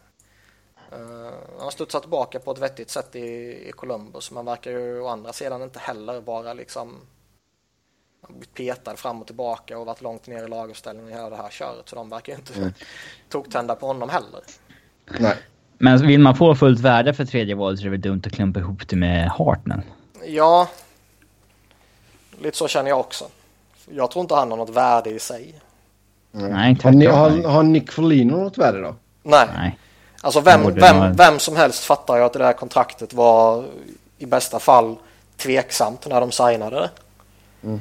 Uh, han kom väl från en bra säsong i princip och så signade han upp honom för att han är heart och grit och bla bla bla liksom. Han har gjort mål på varannat skott typ. Ja. Uh, och nu kommer han det är, aldrig från... bra, det är aldrig bra när man signar spelare för bla bla bla. Nej, exakt. Mm. Och nu kommer han ju från en medioker säsong liksom jämfört med vad han gjorde när han signade det här kontraktet. Då. Och han har moment-klausul. Ja. Så det är... Ja, nej, man måste byta skräp mot skräp i Nick Folignos fall tror jag. Ja. Och jag tycker det vore ett väldigt märkligt statement och liksom du signar honom, han är kapten och hela det här köret. Han kommer från en dålig säsong och då ska du dumpa honom liksom. Det... Ja, det är både, det var ju dumt att skriva det det var dumt att skriva det kontraktet men det är också konstigt att har man nu haft det förtroendet för honom så att man skriver det, då kan man ju inte ändra sig helt efter en säsong. Mm. Eh, skillnaden om det hade kommit in någon ny GM som liksom sa men vad fan, den här killen måste vi göra oss av med. Eh, det, det där... Eh, nej, mycket konstigt som händer i Columbus just nu. Mm. Det, det kan ju vara Tortorella som inte är hög på honom också. Mm. Ja, Eh, vi går vidare i alla fall. Lag har hört av sig till St. Louis angående Brian Elliott. Um, ja, det var ju budgetlösningen för en Calgary i så fall. Ja, verkligen. Eller så är det ett lag som vill ha en väldigt bra backup. Ja. Men sen samtidigt man... liksom om du... Alltså, man vet ju inte, det kan vara andra lag än Calgary också som pratar med, med Tampa och med Pittsburgh och med... Uh, mm, alltså jag har lag... Liksom. Men... Uh, liksom pratar du med Tampa och du får eh, en prislapp på Ben Bishop som är eh, jättehög. Eh, och så känner du att nej, det vill jag inte pröjsa även om han är duktig. Jag kollar med Elliot istället och så får du pröjsa betydligt mindre för honom och så tar du honom istället. För det är ju som vi brukar säga, halvt på skämt och halvt på allvar. Att ben, eller Elliot är ju antingen ligans sämsta målvakt eller ligans bästa målvakt. Mm. Och eh, är du liksom en contender som bara går kortsiktigt så ja, vill du dra en chansning så gör det på honom liksom. Mm. Själv skulle jag nog inte göra det. Nej, nej det känns, det har vi pratat mycket om men det, det är för mycket upp eller ner faktiskt. För att ja. jag skulle känna mig bekväm med det. Mm. Uh, Frans Nilsson och New York Islanders diskuterar långtidskontrakt. Samtidigt så förväntas Kalak Poso att testa marknaden. Uh, rätt eller fel av New York Islanders? Jag kan tycka att uh, Frans Nilsson är väl förtjänt av att få betalt så här i efterhand men är man lite klok, ja, är man lite klok så eh, är det nog fel läge att skriva. Nej, jag hade nog försökt... Alltså, man vill ju ha kvar honom i Islanders som han är Islander såklart, men... Eh, han kommer inte skriva något rimligt kontrakt. Nej. Det är, Nej, en, det är nu han ska betalt. Det är väl en relevant fråga att lyfta om både Nilsson och Paulson. Uh, egentligen vill man väl behålla båda två. Och Islanders... Och Poe kan man ändå betala för tycker jag. Han är ändå... Jo, men förmodligen ska det väl pröjsa honom på sju år eller någonting. Ja, men han är inte 32 bast. Nej, han är 28, jag vet. Men... Uh... men... Uh... Jag är väl kanske inte helt såld på att han kommer vara fantastisk de sista åren på ett sjuårskontrakt. Nej. Och det kommer ju Frans Nielsen alltså säga att han får fem eller sex år kanske. Det kommer väl förmodligen inte han heller vara på de sista åren. Nej, han ska ju ha typ fem mille också. Ja. Och eh, alltså signa upp Nielsen på ett treårskontrakt, det skulle vara perfekt för Islanders.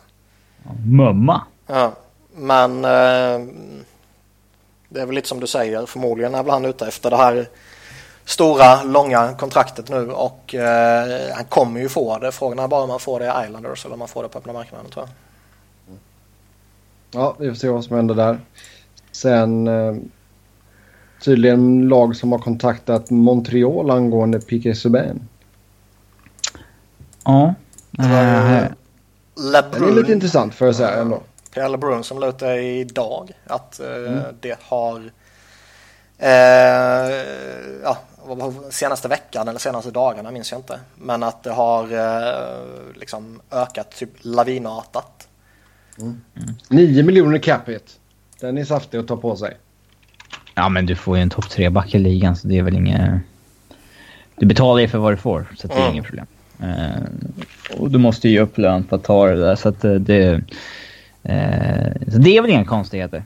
Det skumma är är back, väl att... backarnas Ferrari helt enkelt. Ja, det skumma är väl att om jag hade varit Mark Bergevin när folk ringde om Piken Subban så hade det ju varit ett tvärnej liksom. Skatta Nej, och lägga på. Ja, Men sen Då, samtidigt eh, alltså det inte... de har ju behandlat han konstigt genom åren. Men Liksom. han kä- känns Ja. ouppskattad. Han känns så Ja, uppskattad på något sätt trots att han är en jätteprofil och trots att han liksom typ gör allt för staden och borde vara jätteomtyckt av alla. Och som du sa, Mm. framförallt är han fantastiskt duktig back liksom, vilket borde kompensera för eh, väldigt många eh, eventuella brister man nu ser i honom. Ehm, och, och liksom Bergevin var väl med i Team Kanadas ehm, eh, leadership group eller vad fan man ska kalla det också. Han var väl med och petade honom där liksom. Rain Trust. Ja. Eh, Så någonstans har man ju verkligen känslan att de inte uppskattar honom fullt ut. Men å andra sidan så är det ju då konstigt att signa upp honom på det här kontraktet. För de spelare som du inte uppskattar eh, så committar du inte dig så hårt på honom på ett sånt här kontrakt liksom. Ja, det är sant. Det vore sjukt kul om vi fick en Subban trade för uh, July 1st. Det hade varit coolt. We have a trade to announce på draften. Mm. Ja, varit... Han har ju no movement-klausul som går in första juli så det är därför vi vill se den innan dess. Mm. Ja, den måste ju det. skillnadas för han kommer ju inte vilja... Han har ju varit väldigt tydlig med att han vill spela i Montreal. Ja. Liksom. Eh, men tänk, det där är ju Tim Murray. När draften är i Buffalo. Kommer den. är- Ja, det hade varit fint. Det hade varit fint. Vad skulle. Sabres kunna skicka det bara för skojs skull? Som Montreal skulle ta. Oj. Ehm, De slängde ju bort det mesta i uh, Avs-traden förra året. Uh, det mesta Sador och de här bitarna. Eh, men det är väl Girgensson skulle vara aktuell. Förmodligen eh, Sam Reinhardt. Skulle vara aktuell. Offrar man Jack Eichel för honom? Nej, det gör man inte. Eh, jag tror inte Kane är aktuell. Det känns ju som att uh, Habs skulle vilja ha någon form av ersättare för honom också. Offrar man en eh, Ristolainen? Ristolainen. Ja. Det tror jag fan man skulle kunna göra. Alltså. Alltså Ristolainen kommer bli riktigt jävla bra men... Han är redan väldigt bra. Ja. Ja, det är skillnad på eh, riktigt jävla bra och subben bra dock. Jo, Men... eh, Ferrara är bra. Mm, det, det skulle kunna...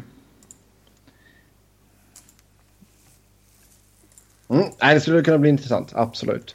Sen eh, Niklas, du får ju kalla kårar varje gång vi nämner Ilja Brysgalov.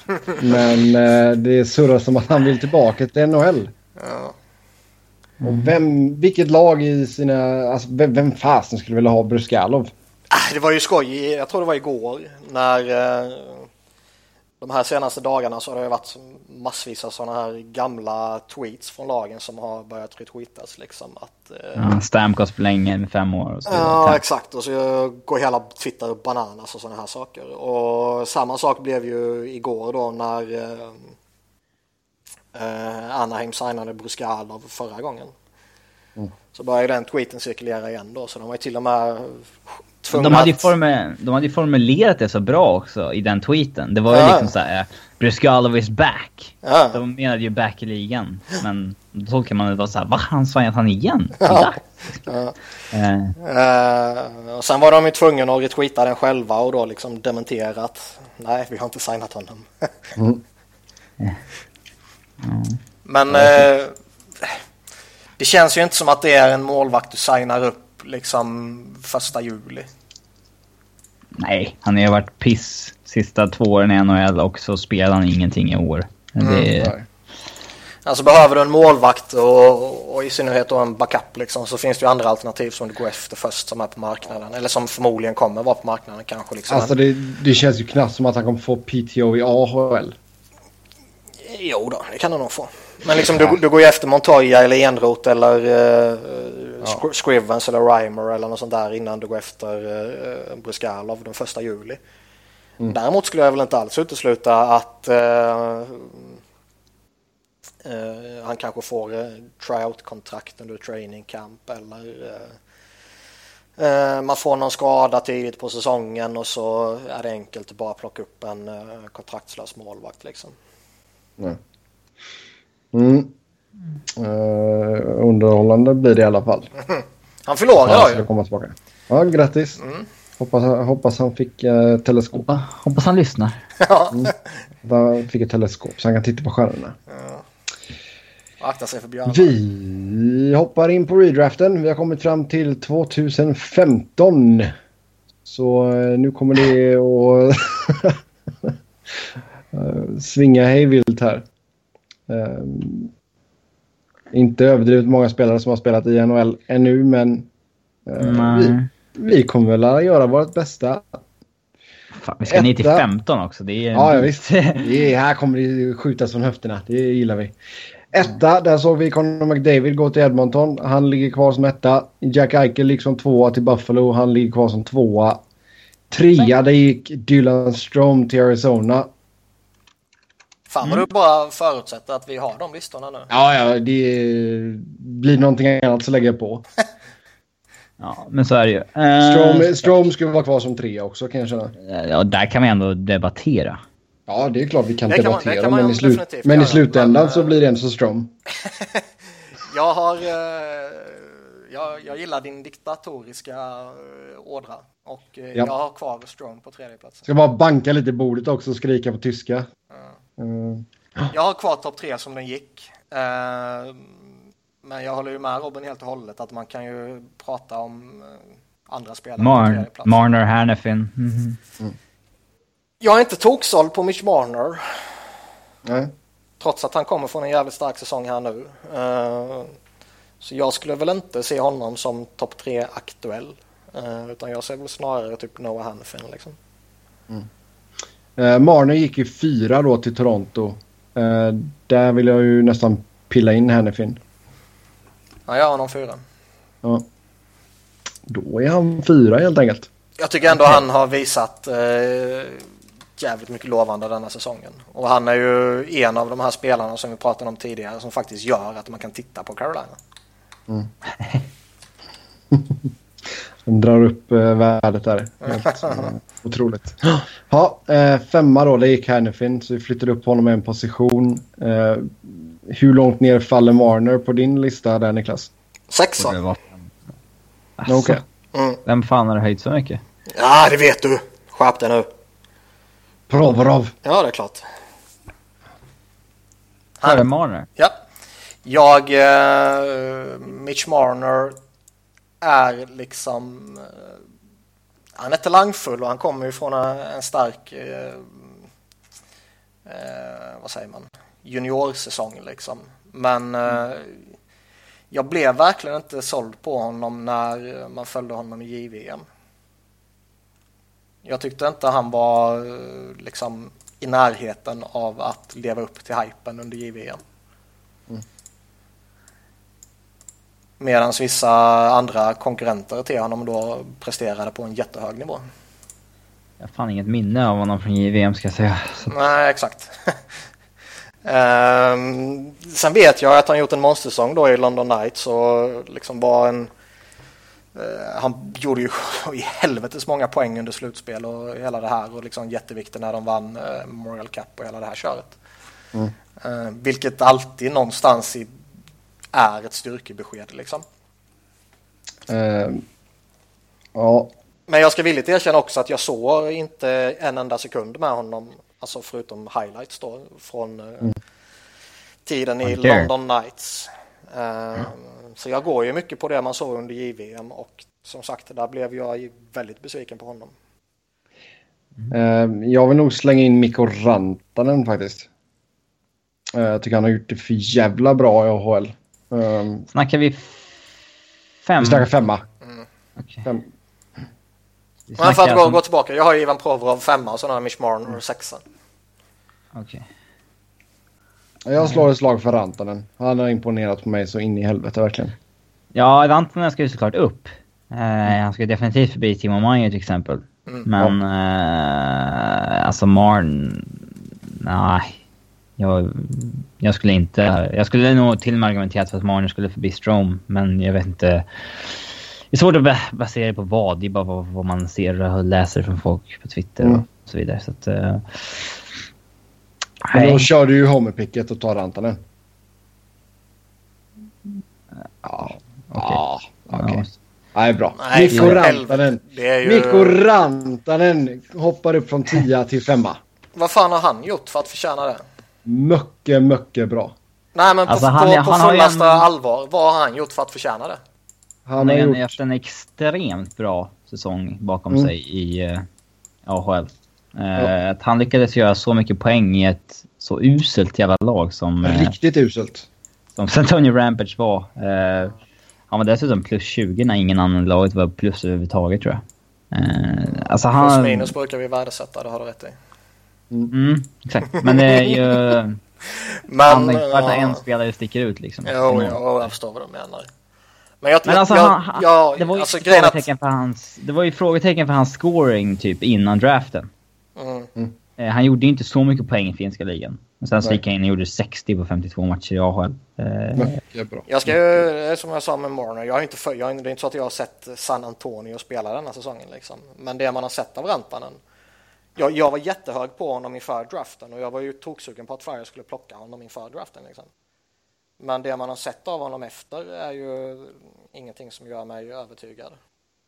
Han hade ju en ganska blyg roll i JVM. Då var det ju... Ja, det var de andra som... Man trodde ju att det var Kapanen och Rantanen som skulle bära finska ja. laget. Och så var det ju Line och Puljev istället. Ja. Uh, och sen så hade han... Han lyckades ju ta sig till VM i alla fall. Uh, vilket inte Puljev gjorde. Och, uh, han fick inte spela alla matcher. Men... Eh, alltså, ja, jag sätter ju inte honom femma egentligen. Jag... det är ju exakt. Ja, exakt.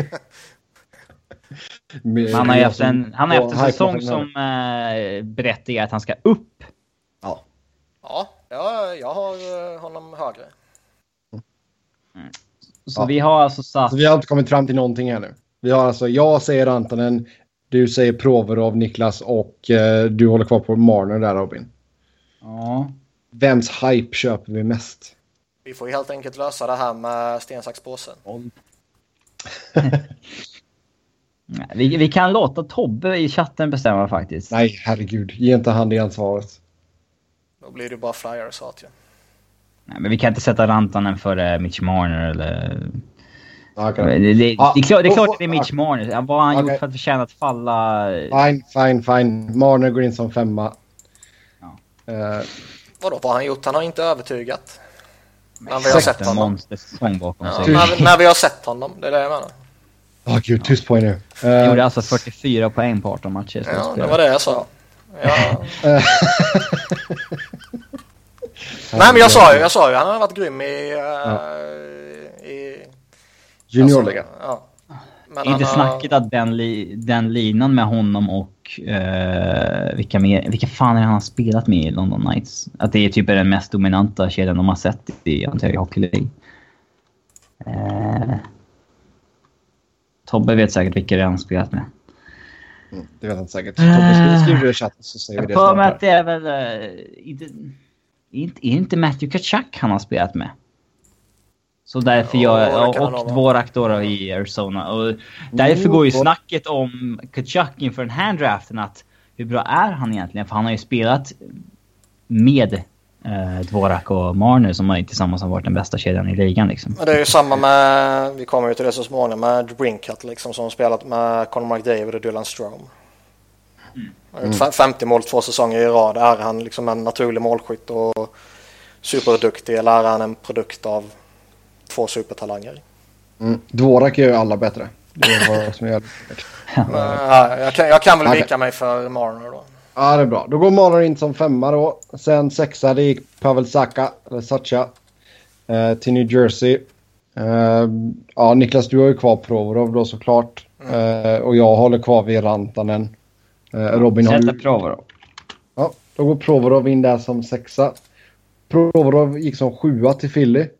Får Philly Rantanen istället då? Zach Wierenski har jag här. Okej. Ja, det är Varenski eller Rantanen nu. Ja. Mm. Och jag tycker att jag har sett mer av Wierenski. Jag gillar honom. Ja... Skulle väl säga det också. Ja, Eh, så Varenski blir sjua.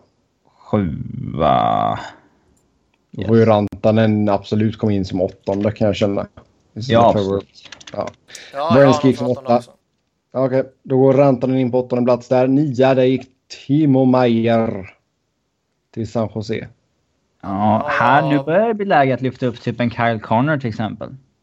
Ja, jag, jag har Kyle Connor här. Ja! Kille jag, Connor. jag gillar honom. Ja. Han har... En eh, av alla Bostons snabbs. Mm. Han är... eh, Nej, men jag... jag ska säga? Jag hade väl inte riktigt koll på honom så inför draften. Men det han har visat upp eh, tycker jag att man har fastnat för.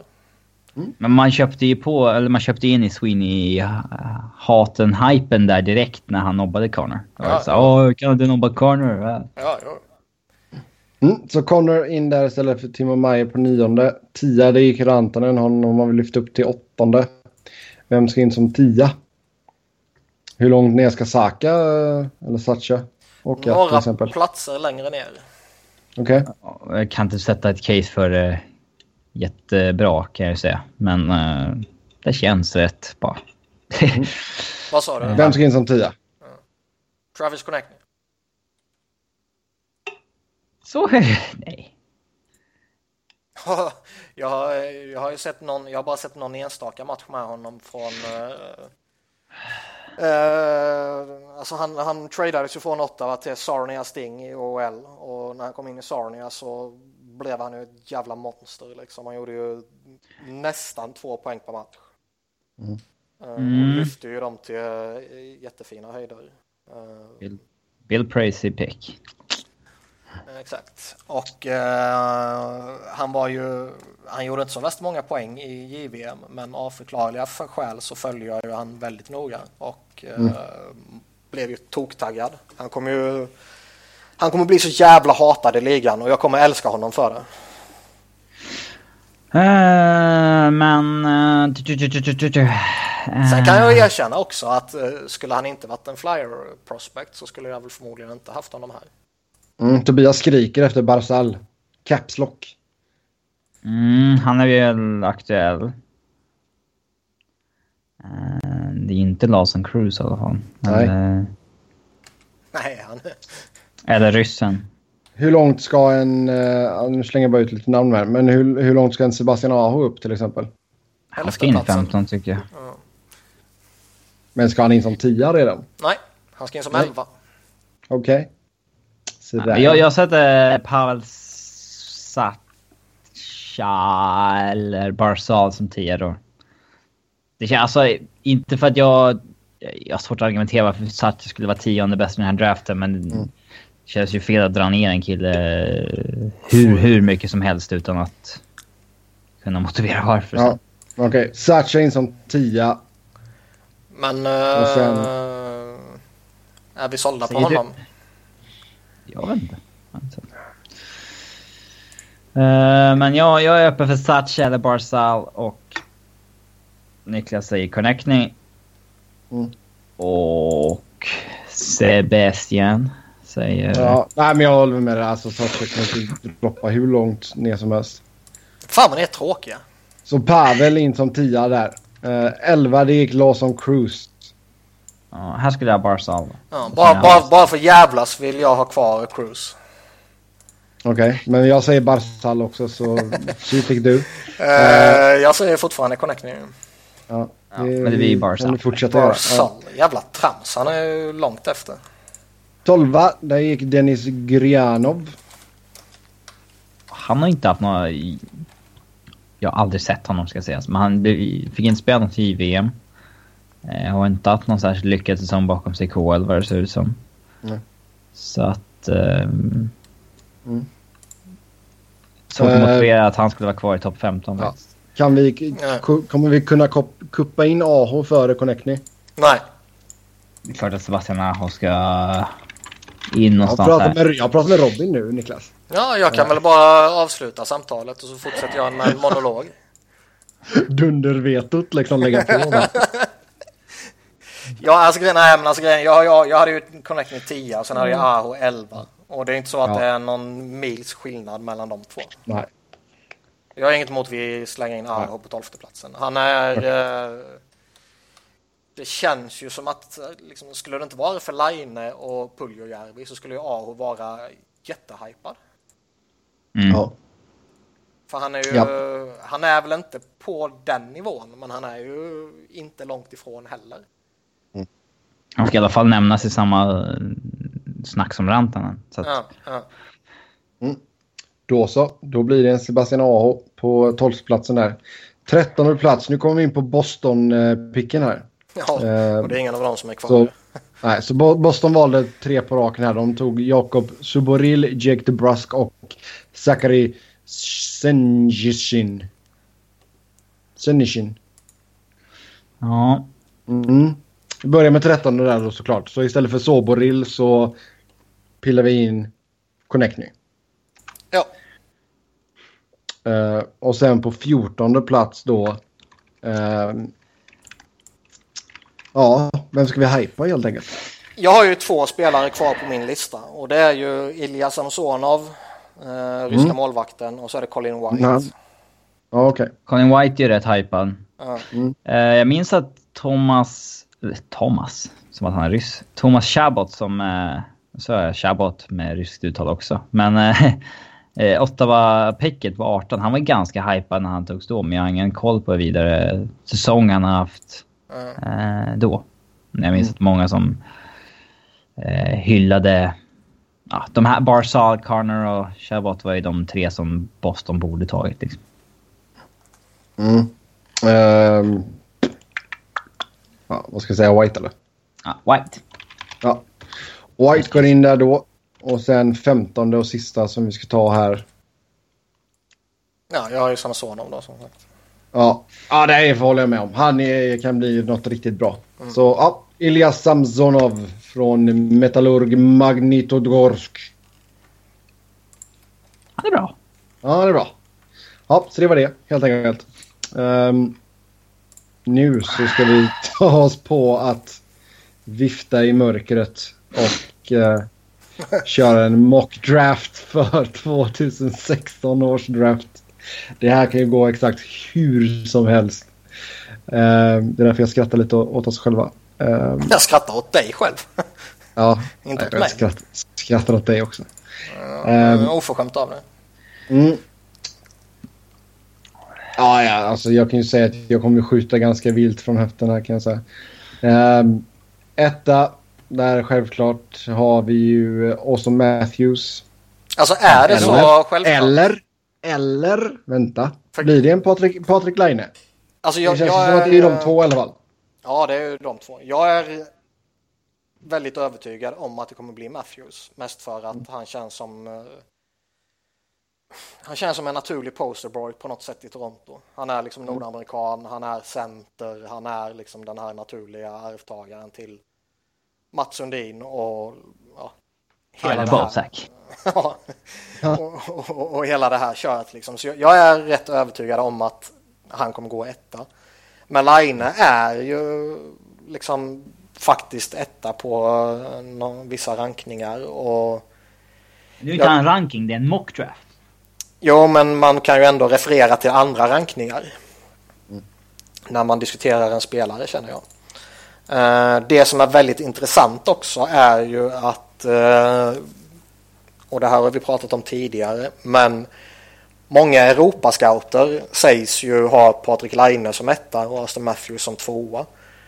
Och det blir ju tämligen relevant denna säsongen med tanke på att Matthews också var i Europa.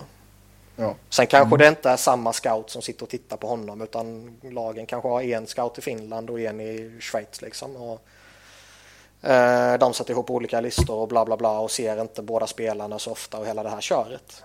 Um, mm. Men någonstans känns det ju väldigt relevant för annars är det ju liksom okej okay, Europascouterna som bara har sett Patrik Laine i eh, Finland, de har han etta och sen de nordamerikanska scouterna som bara har sett Arthur Matthews i Kanada om vi leker med tanken att han hade spelat i kanadensiskt juniorlag eller något sånt här. Uh, har de han som etta då liksom och då är det alltid svårt att förhålla sig. Så kanske finns det mer relevans än än det är intressant om bägge hade spelat i Nordamerika i år och sett om liksom, Line hade gått om Matthews på en ranking då. Mm. För det känns kanske som att vissa nordamerikaner liksom... Det har ju varit klart i typ fyra år att det är Matthews som ska gå etta det här året. Mm. Ja, exakt. Eh, så att man liksom kanske inte är så öppen för att det kanske är en förändring de här sista månaderna. Nej. Mm. Men med allt det här sagt så är jag helt övertygad om att det blir Arthur Matthews etta. Okej, okay. Asa Matthews sätter vi som etta då. Patrik Laine som tvåa. Trea, där har vi på rank, i de flesta rankingsarna i alla fall, Jesse Puljujärvi. Alltså jag har ju kvar honom här. Mm. Um, Kanske inte blir Columbus som tar honom, han kommer fan gå trea. Mm. Ja, alltså jag, jag, tror att även om de behåller tredje valet så man måste ta honom om du har tredje valet liksom. Mm. Även om du inte är så, så inne på att han kommer passa in i din organisation eller i din liksom, framtida depth chart och hela det här köret eller hur fan du nu tänker så han är ju en jättetalang liksom. Mm. Uh, jag, jag, skulle bli jätteförvånad om han hamnar utanför topp tre även om Columbus behåller tredje valet. Mm. Minns ni vem som sades utmana Matthews som första valet i den här draften för två, tre år sedan? Nej. Som nu typ snacket går. Kommer han draftas överhuvudtaget? Det är ju Sean Day. Just det, han, fick, han, han fick ju fick... exceptional status i uh, Unisliga. Ja. ja. Eller uh, vad heter det? Nej, det heter ju... Uh, ja, men jo, exceptional. Uh, Player heter det. Eller staten. Ja, han, fick, han fick, ja, det, det betyder det i alla fall att han fick gå in i juniorligan i förtid för att han ansågs vara tillräckligt bra. Mm. Och det har ju bara hänt typ... Typ Conor McDavid liksom. Eh, det har hänt... Aaron eh, Ekblad. Eh, Tavares har mm. hänt. Eh, McDavid. Eh, Ekblad. Ja. Mm. Och han är ett enormt frågetecken i den här draften. Eh, jag har inte sett honom inom första runda på någons lista men det är klart att en sån kille är ett super wildcard. Mm. Och, uh, det blir intressant att se vart han går. Det, det, det, är alltid jäkligt intressant när en spelare faller något enormt under sista året eller någonting på en sån här ranking. Uh, framförallt när en kille som väntades gå topp tre och sen två år senare liksom är... Mm. Och det, jag tror att det var... Eller så är det kanske bara jävligt talande för att man inte ska bry sig så mycket om hype kring en 14-15-åring eh, liksom. Ja, exakt. Mm, ja, men när McKinnon, McDavid och Matthews och de var i samma ålder så hypades de ju också. Och de har ju levt upp till den hypen. Men uh, Sean Day... Mm. Ja, det är ganska mycket hype kring en viss Freddie Adu också back in the days. Så. Ja, med åldersbluff på honom. ja. Men Sean Day är ju eh, en enormt stor spelare som ja. kunde åka skridskor som fan. Eh, och det var ju sällsynt då. Om Så det är, han är din fyra då med andra ord? Nej. Nej, men jag, jag kommer ihåg att, jag kommer ihåg att det, det var någon, jag minns inte vilken journalist det var som twittrade om det, men som sa att det största frågetecknet kring dig nu, det är typ så här... Ja, ja, vill han spela hockey liksom? Ja, det är farligt ifall en Det ser inte ut så, typ. Ja, eh, i alla fall. Vi tror Puljujärvi trea. Fyra. Eh, jag, ska, jag ska säga att jag går ute efter Hockey Prospects eh, topp 30 här nu när jag läser upp namn. Så fyra på rankingen som jag har här är Pierre-Luc Dubois. Från Cape Breton Screaming Eagles. Det är bra lagnamn. Ja, här tror jag att Matthew Kachak går. Mm. Jag har, mm. ja, jag har ju Kachak här också. Och eh, det är väl mest... Det här är inte vår ranking alltså. Det är en mock draft för alla som lyssnar. Det är liksom ja. vad vi tror, inte vad vi tycker. Ja. Nu har jag i och för sig honom på fjärde platsen oavsett om det skulle vara en mock draft eller en rankning. Mm. Eh, jag är rätt hög på honom. Jag gillar vad jag ser av honom. Mm. Men... Um... var helt okej. ja. Och sen är det väl alltså... Sånt, sånt får man ju inte värdera in. Det, får... Nej men det, det, det, det, tar man ju alltid med ju. Har, har du liksom en fassa som du har... Alltså alla gillar väl Keith Chachak. Han var ju grym ju. Mm. Så det är klart att någonstans i bakhuvudet kommer ju det medvetet eller omedvetet spela in. Mm. Eller om mm. du verkligen tokhatade Keith Chachak liksom. Mm. Eh, så kommer du ju inte gilla hans pojk heller. Arizona hade ju inte haft någonting emot att ta honom i alla fall. Nej, synd för dem att de inte har ett tidigare val. Född i Skottland. Snacket som går är ju att eh, att Edmonton är väldigt sugna på Tachak. Eh, men att eh, det här vanliga snacket rent logiskt så borde de egentligen ta en back. Mm. Och som jag sa tidigare, han har spelat med Miss Marner och uh, Christian Dvorak. Mm. Så det är lite frågetecken för uh, hur bra han är egentligen. Mm. Mm. Svårt det där när de har spelat med jäkligt bra spelare och så... Mm. Det, ja. det, det, det, är inte hans fel att han är tredje länken i en sån kedja liksom. Han kanske är Nej. jättebra ändå, men... Nej, det är sant. Han skickade in 107 pinnar och 30 mål, 77 assist på 57 matcher. Det är helt okej. Mm, det är helt okej. Får man igenom. Sen uh, ska vi se, ja, femma då är ju Kachuk på den här uh, rankingen som jag läser. Um, vem tror vi går femma? Pierre-Luc Dubois och det är ju bara för att han typ är draftens främsta powerforward och eftersom jag är väldigt fördomsfull så konstaterar jag ju att Benning eh, kommer gilla det och kommer plocka honom. Mm. Vad tror du han kommer använda för ord när han beskriver honom sen? Competitive och size och character och liksom grit. Eh, grit och driver på mål och står upp och bla bla bla. Ja. Uh, Trams. ja. Nu, nu, nu, nu, nu, låter det ju som att vi uh, vill snacka ner Dubar. Så är ju inte fallet egentligen. Han är ju... Nej, nej. Vi snackar går, går, ja, går han femma så är det fullt legitimt att han går femma. Det är väl inte fel att han skulle gå fyra heller liksom. Um, det är liksom en riktig powerforward. Uh, han beskrivs med en bra attityd och uh, många vill ju säga att han redan nu har en väldigt, väldigt bra defensiv och uh, liksom defensiv kompetens och typ ledaregenskaper och sådana här saker kommer ju alltid värderas högt av lagen. Mm. När du då har många spelare som kanske är fantastiskt talangfulla offensivt har du då en spelare som är det plus att han är det defensivt och plus att han kanske har ledaregenskaper också uh, så kommer det värderas högt ju. Mm. Sen eh, sexa då.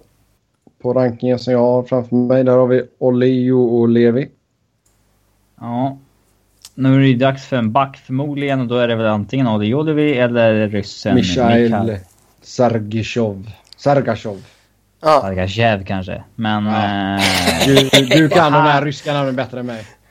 Robin har ju blivit petad som var en Rysslandsexpert för typ två år sedan eller någonting. Han jag kanske är... förtjänar den titeln igen. Jag har ingen aning om vem som är bäst av de här två egentligen, men jag tror jag har, att... Eh, jag har sett för lite av Sergatjev. Uh, däremot gillar jag det jag ser av Eurolevi.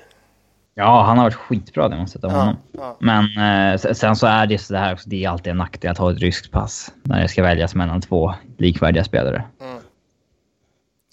Sen är det ju det här också, det är Calgary som har sjätte valet. Jag, jag har sagt Julevi på, på, till Calgary mest för att eh, ja, jag tycker att han är så jävla bra. Och jag har lite sådär halvdan koll då som sagt på Sergachev.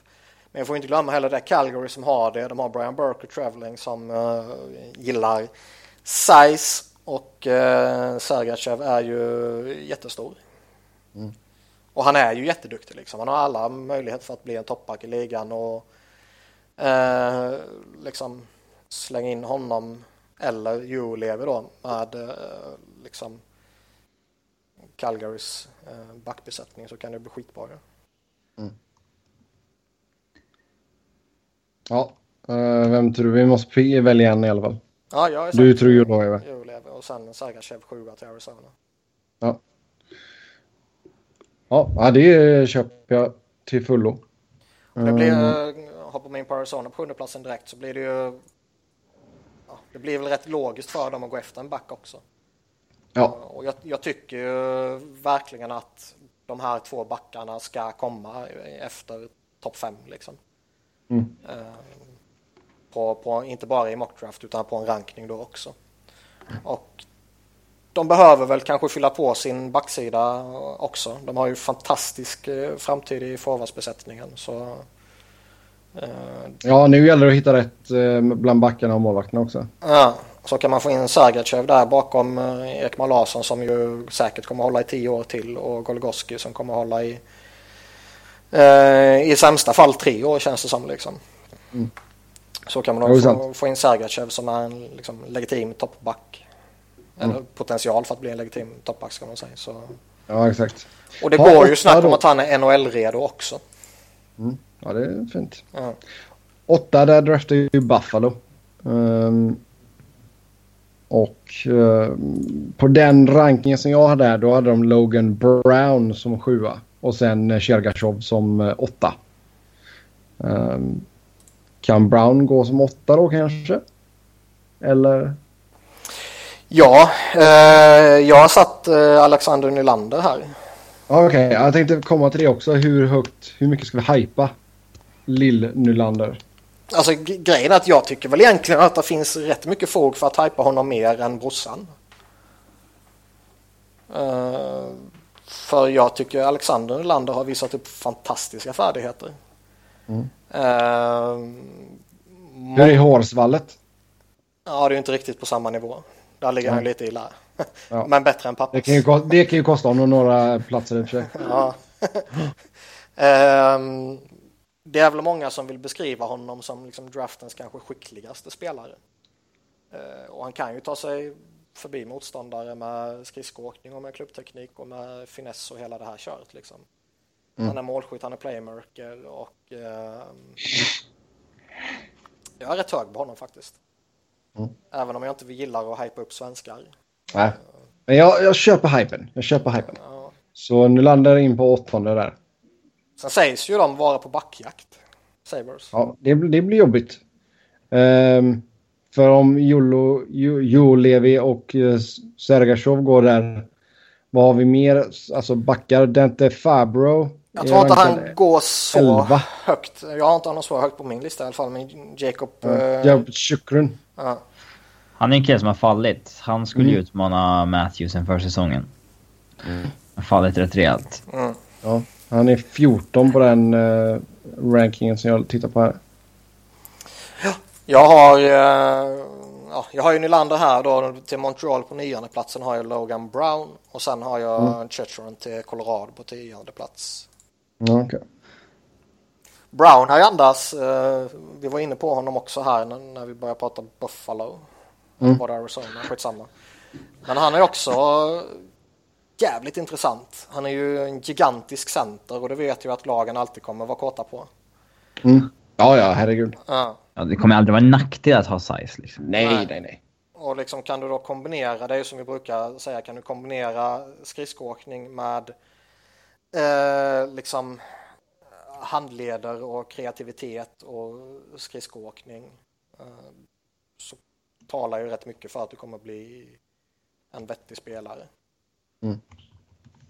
Sen är det väl i vanlig ordning då när man pratar om stora spelare eh, som verkligen är som är stora på riktigt då liksom. Att, eh, ja, är han bra för att han är genuint skicklig eller är han bra för att han är stor? Mm. Och ska de klaga på någonting kring Logan Brown så är det väl eh, just det sistnämnda där. Han är stor. Nej, men att han kanske är bra bara för att han är stor. Ja. ja. Uh, sen kan han ju gå betydligt tidigare också. Mm. Ja, visar han sig vara råskicklig och stor då kan han ju bli liksom Lindros liksom. Ja. Mm. Ja, vad kom vi... Nu tappade jag bort vart vi var någonstans. Vad vi, hade vi någon som tia där då? Nia. Nia, sorry. Mm. Alltså ni behöver ju inte uh, hålla med om uh, min mockdraft.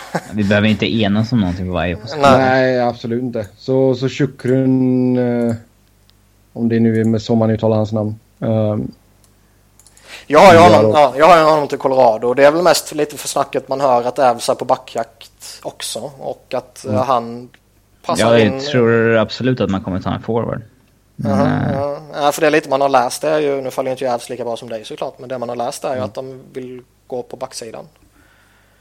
Det är ganska... Det känns som en sån här lat grej, alltid så här snacket kring Ävs att de måste förbättra sin backsida typ. Mm. Men jag, jag, jag, tror att man kommer ta en uh, forward. En uh, Jonathan Dahlén kanske? Nej, han går inte så här tidigt. Det, det man kan konstatera det är väl att uh, Roa och Sakic kommer gå efter size. Ja, får se. Jag vet inte, jag är inte helt övertygad. Jo. Och där, mm. där, där, passar ju han in som. Han är ju stor och kraftfull och uh, ja, har väl alla möjligheter att bli liksom kanske inte en första back men en back för ett första par. Ja. Mm. Uh, hur långt ner? Vill vi köra hela första? Ja, det är klart. Jag, jag hoppas de bara tar, jag hoppas de tar Clayton Keller för att bevisa alla fel. En liten center. Mm. Ja, exakt. Ja, 11 då, där draftar New Jersey. Dante ah, Fabro är som sagt rankad 11 på den listan jag har framför mig här. Ja, jag har fortfarande en bit kvar till honom. Jag har Michael McLeod. Till Devils. McLeod. Mm. Uh, jag hoppas inte Ävs har honom. Det var skitjobbigt att ha två McLeod i laget. mm. uh, men det är också en sån här liksom spelskicklig drivande center som uh, är effektiv i hög fart och hela det här köret liksom. Mm. vissa säger att han är den bästa skridskoåkaren i draften. Okej. Okay. Mm. Och han spelade mycket med Alex Nylander i mm. Mississauga Steelheads. Mm. Uh, inte, lika ja. coolt, inte lika coolt namn som Cape Breton Screaming Eagles men fortfarande helt okej. Okay. Mm. Um, vart är vi på listan nu? Där är vi. 12 8 va? Jo. Tyson Jones tar jag här.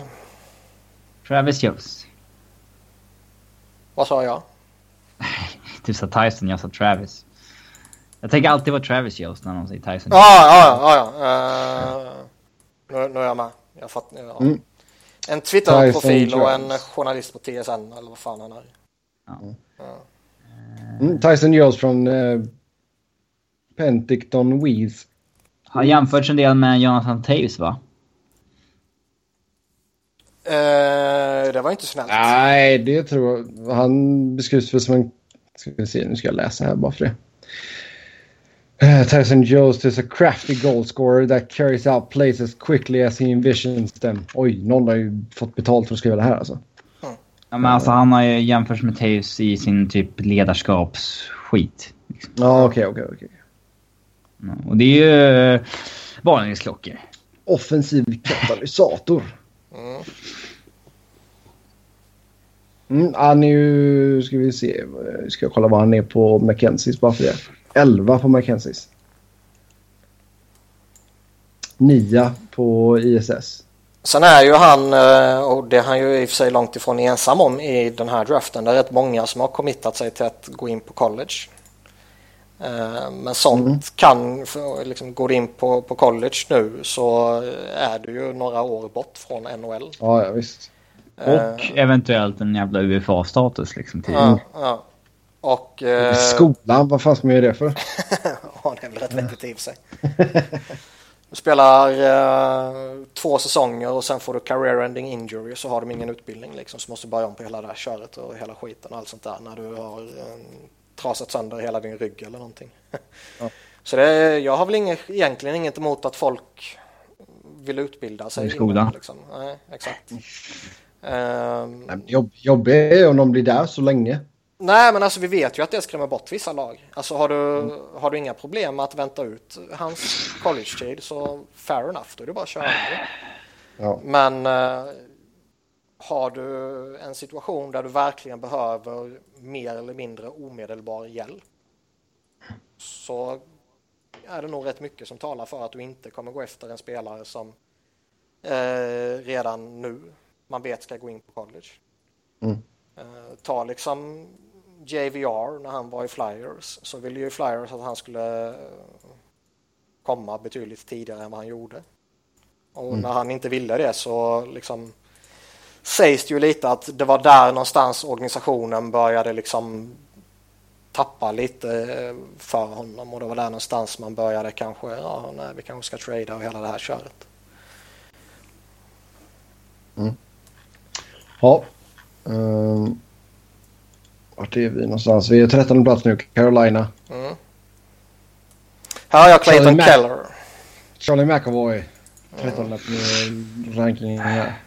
Men Clayton Keller som Robin sa tidigare här då. Han är... Från Swansea? ja. Han är jätteintressant. I Illinois alltså, inte mm, Wales. Ja. Men han är ju pytteliten. Ja. Uh, och Pytte. ja, allt är relativt. Under 1,80 kanske. Han är 1,78. Ja. Och det är ju pyttelitet om du jämför med typ vad standarden är på ja, Allt under 6 feet är jättelitet, allt över 6 feet är good size. Ja, typ. Mm. Um, så e egentligen har han väl liksom talang och potential och liksom egenskaper och allt sånt där som gör att han ska gå högre. Uh, men jag tror väl att hans uh, bristande fysik gör att han kommer uh, falla lite. Ja. Framförallt eftersom det finns så många duktiga spelare som har size med sig. Liksom. Ja. Mm. Det här är ju fynd potential, spelare som liksom har skickligheten för att gå topp tre egentligen, men som ja. har problem med size. Och då, eh, för det är fan inte så stort problem som klubbarna verkar tycka där när de draftar. Nej. Och det, Nej. Så att eh, den... Eh, den är ju hög fyndpotential. Mm. Mm. Får se om det blir Carolina som gör det fyndet då. Uh, 14 plats Boston. Här kan, vet vi inte vad som kommer hända. Nej, men alltså här kan man ju också vara fördomsfull precis som man var på ja. Eh, Boston och eller på Vancouver och konstatera att Boston kommer ju ta en powerforward liksom. Mm. Nordamerikansk. Ja, och det känns ju som att Max Jones kan vara högaktuell för dem.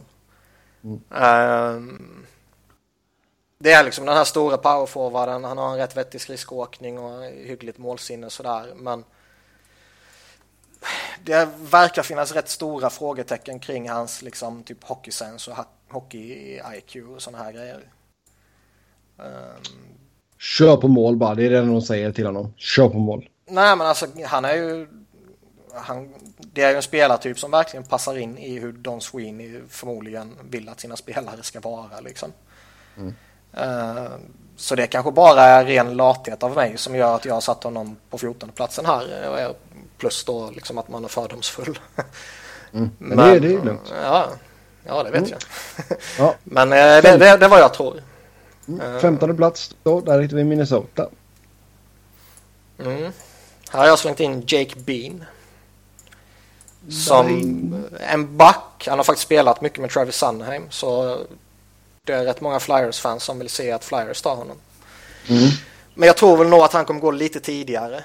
Däremot så är det lite svårt för på vissa rankningar så är han också, liksom, vissa har honom typ efter 20 plats och vissa har honom topp 10 liksom. Um, Mm, och det, det är ju liksom, ja, här och där läser man ju att han typ har den bästa offensiven i, i draften. Ja. Uh, alltså de som skriver de här uh, grejerna, alltså det är inget dåligt, uh, dåligt språk de använder. Jag ska läsa från Jake Bean. A shifty and intelligent defenseman that plays with panache and poise. Nej, det är fint. Ord, ordporr verkligen. Vad sa du? Place with the panaf? Panache, panache Panaf. och poise. Dion. Uh, ska vi se. Eh, Natural talent offensive end but also plays complete defensive game in his own end. Mm. He has a proactive sticks and boxes out the opposition, limiting lanes.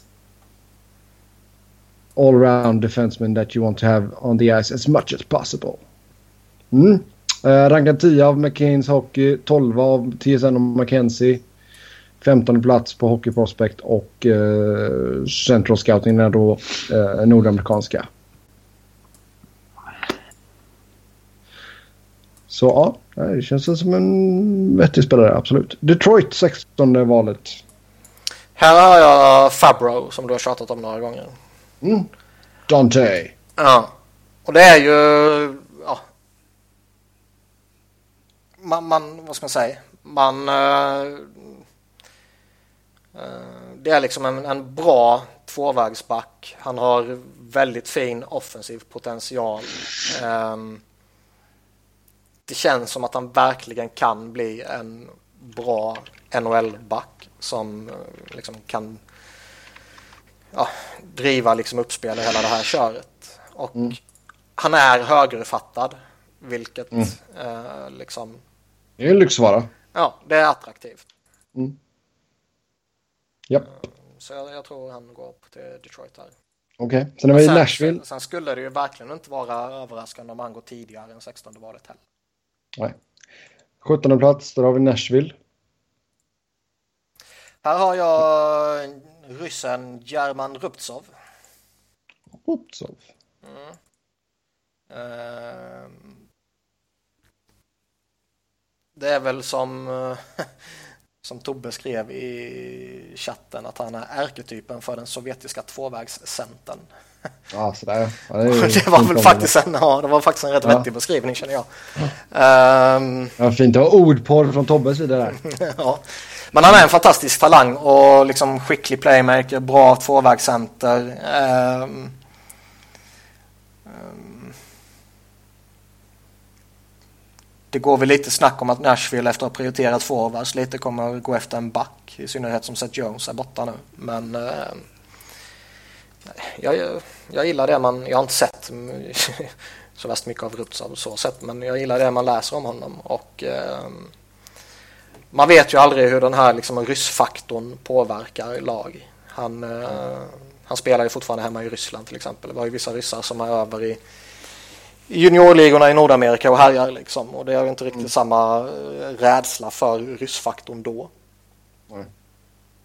Men han har, han har, Ruptsov har väl liksom talang för att kunna gå lite tidigare också. Mm. Sen har vi Philadelphia då 18. Det bryr vi oss inte riktigt om. um, nej då. Niklas, vilka tror du Philly kommer ta och plocka här med deras första val? Jag har Kiefer Bellows här.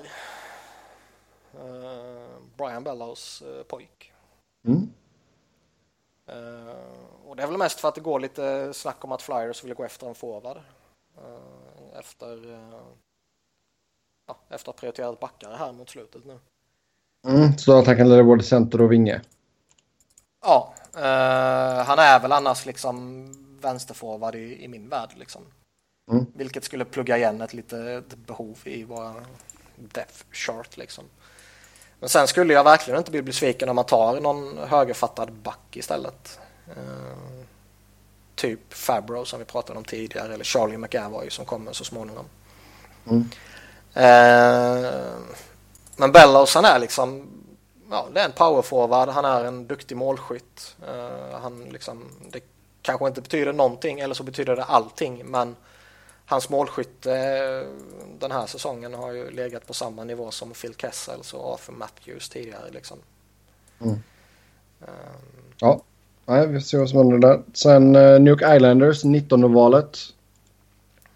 Här har jag då Charlie McAvoy som jag nämnde precis. Och det är en ny sån här högerfattad eh, skicklig back. Uh, offensivt uh, väldigt talangfull och liksom fantastisk riskåkning och hela det här köret. Så han, uh, det skulle väl inte förvåna heller om han går lite tidigare. Nej. Går han inte där så skulle han ju säkert gå på 20 när Arizona väljer. Um, men vi säger att han blir tagen där då precis framför näsan på Arizona. Mm. Då kommer man att plocka Jonathan Dahlén. Nej, för helvete. Jo, förkärleken mellan Arizona och söner till gamla spelare är eh, helt enorm av någon anledning. Alltså grejen är att Dahlén är väl jättespännande men han kommer ju inte gå i Men första. att han går så här högt. Nej för fan. Ja, Han, är ju för, då. han är ju för andra rundan typ liksom. Det, Det är ju bara Sebbe som inte kan. Han är rankad 62 på Mackenzies. Ja. det är min upset. Dahlén. Puff. Men eh, jag har ju Julian Garfield Han är jätteintressant för övrigt. Ja det är han, Men men inte så här tidigt. Mm. Vem har vi bildat in där? Boris? Julian Gauthier har jag här. Och det är väl mest för att jag tänker lite så att ja, man tog en back med förra valet då tar man en forward här. Mm, det var så ja. Och han spelar för... Eh, jag har ingen aning hur fan han spelar. Valdio Förås i QMIHL.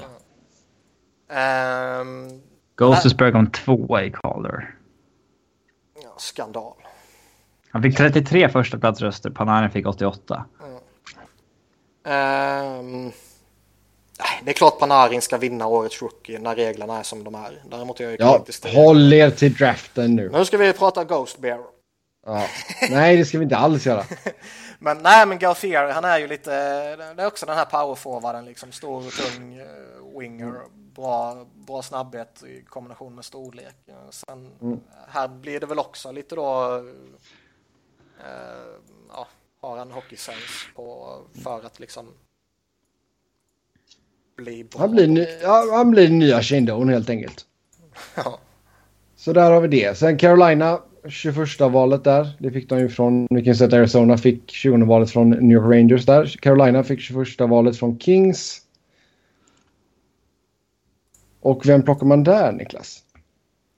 Eh, här har jag ju satt eh, Luke Kunin, amerikansk center. Mm. Från University of Wisconsin. Eh, han får väldigt mycket uppmärksamhet för offensiven. Han gjorde 19 mål på 34 matcher i första säsongen i NCAA. Mm. Och, eh, College-ligan. Ja, eh, men han kan väl bli en komplett center liksom. Och det finns väl folk som pratar om att han kommer gå tidigare än 21 också. Mm. Han har ju fått praise för sin uh, hjärna i alla fall. Mm. Mm. Sen 22 valet i Winnipeg. Det fick de från Chicago. Mm. Jag har petat in Dennis Chalowski här.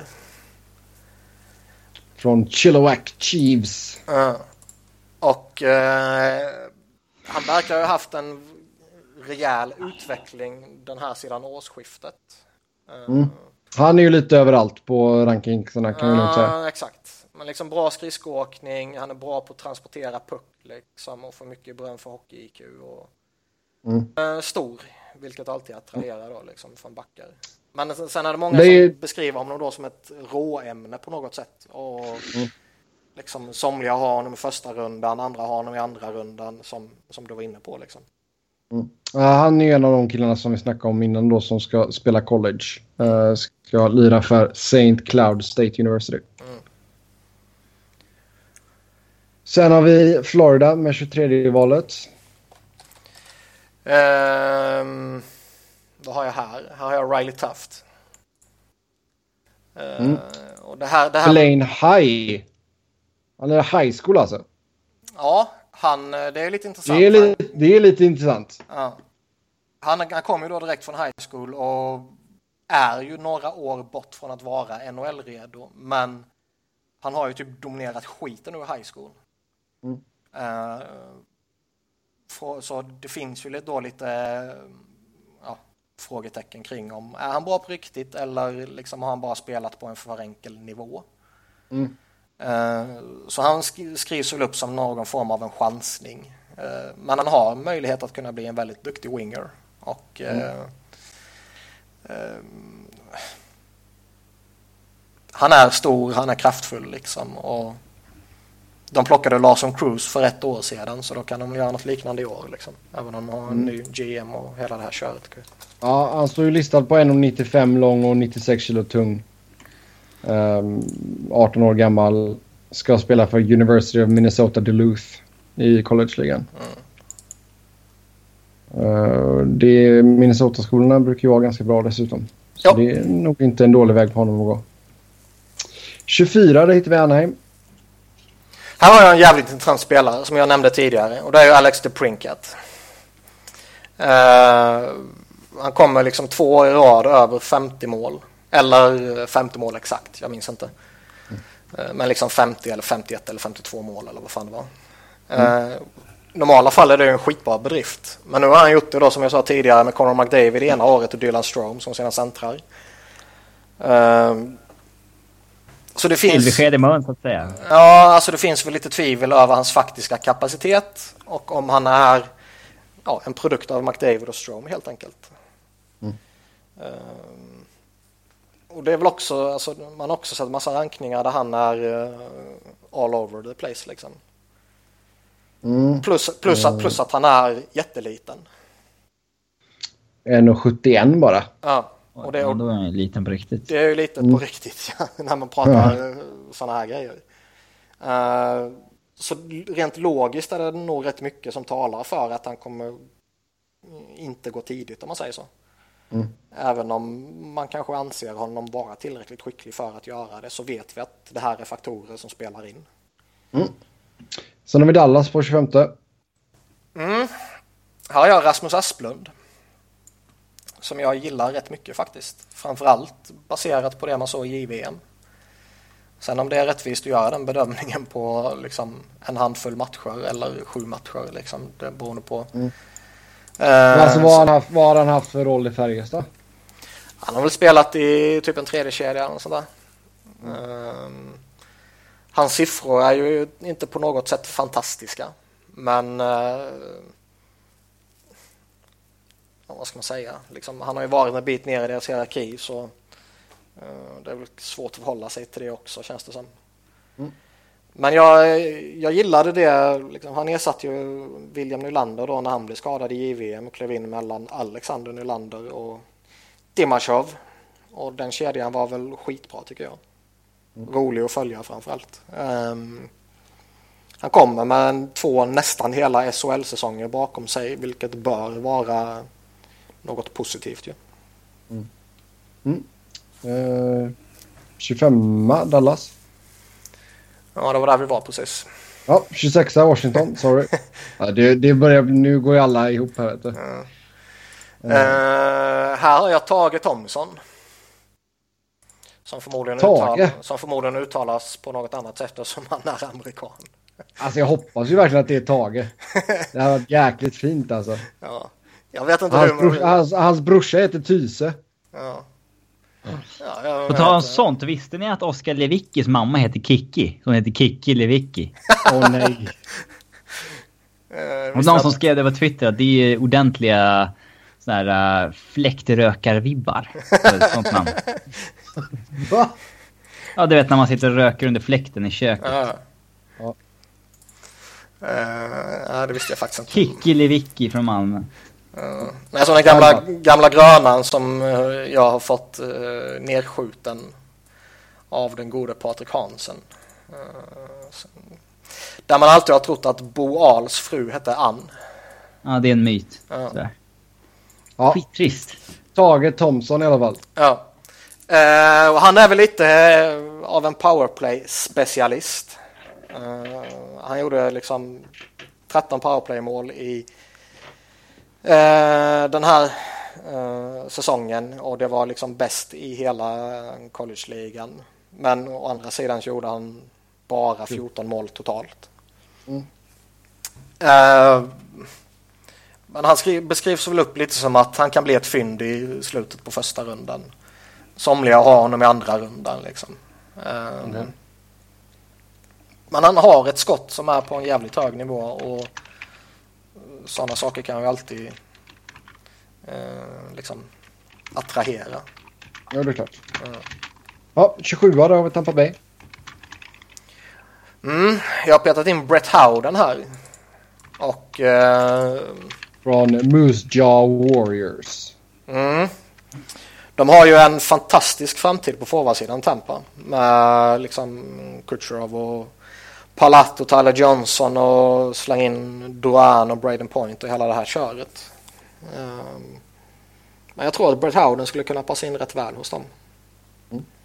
Det är liksom inte den här eh, vad ska man säga, snubben som gör alla poängen för dig. Men eh, kommer förmodligen kunna bli en väldigt duktig typ andra center bakom Tyler Johnson om man ser lite långsiktigt och tänker att Tampa tappar Steven Stamkos. ja. 28 St. Louis. Pascal LaBerge. Kanadik center har jag här. Uh, tvåvägsforward, duktig på att gå in i forechecking, använder kroppen mycket och bra och uh, kommer förmodligen bli en bra och effektiv och duktig middle six forward. Mm. Uh, känns väl lite som, som jag skrev i mockdraft att ja, här har du David Backers ersättare liksom, oavsett om han blir kvar mm. eller sticker. Mm. Ja, och sen har vi Boston med 29 valet som de fick från San Jose. Och det här är typ draftens mest givna val. Här kommer ju Don Sweeney gå efter Logan Stanley. Det är ju en två meters back liksom. Ja. Som gillar att spela fysiskt. Uh, Sådär ja. Han passar ju in i Bostons modell klockrent. Uh, mm. Fan det är duktigt att vara alltså två meter lång och 102 kilo tung som 18-åring. Alltså det är... ja, det är fint. Mm. Sen då sista valet är 30 valet. Du har ju då Anaheim då med tanke på vad som hände där. Så eh, från Pittsburgh via Toronto till Anaheim. Ja. När jag gjorde min mock draft så var det fortfarande Torontos val. Eh, mm. Uh, då hade jag Vitali Abramov här. En ryss mm. som lirar i QMJHL då. Och, ja, äh, Olympics. Ja, och han är väl eh, en väldigt skicklig winger som mm. Ja, han var rookie lite denna, ja han var lite men han var rookie och han kom på femte plats i poängligan i, i hela ligan då liksom och verkar vara jättespännande i offensiv zon i hela det här köret men Eh, det kändes som att det är en, en sån här spelare som Toronto under den nya ledningen som faktiskt känns väldigt kompetent. Mm.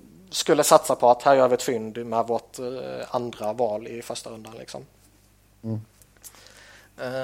Nu när han hamnar, eller nu när det hamnar i Anaheim istället så kanske man skulle resonera på ett annat sätt med tanke på att Murray där verkar vara lite galen. Mm. Han gillar ju svenskar i och för sig. Mm. Um... Sebastian Aho? ja, nej, det tror jag inte. han, blir, han kommer aldrig bli draftad. Nej, det blir väl en Viktor Arvidsson att han går i år. Mm. Ja. Sent. Mm. Mm. Uh... Ja, vad tror du att man kommer ta då? Nej jag, nej, jag har ingen aning. Det är för många spelare att sätta in sig så jag står väl kvar på Abramov bara för att jag sa det från början. Men, eh, okay. mm. inga, inga målvakter som är i närheten av en första runda? Nej, alltså jag... Nu har inte jag satt mig in i målvakterna för den här draften egentligen. Men... Mm. Eh, alltså målvakt, det är en sån jävla chansning. Mm. Eh, så jag det känns som det är tryggare med forwards och backar liksom. Och lägg fokus på det i första rundan och plocka målvakter senare. Ja. Om det inte är någon, eh, det kommer ju alltid komma upp jättetalanger och sådana här saker liksom. Ja.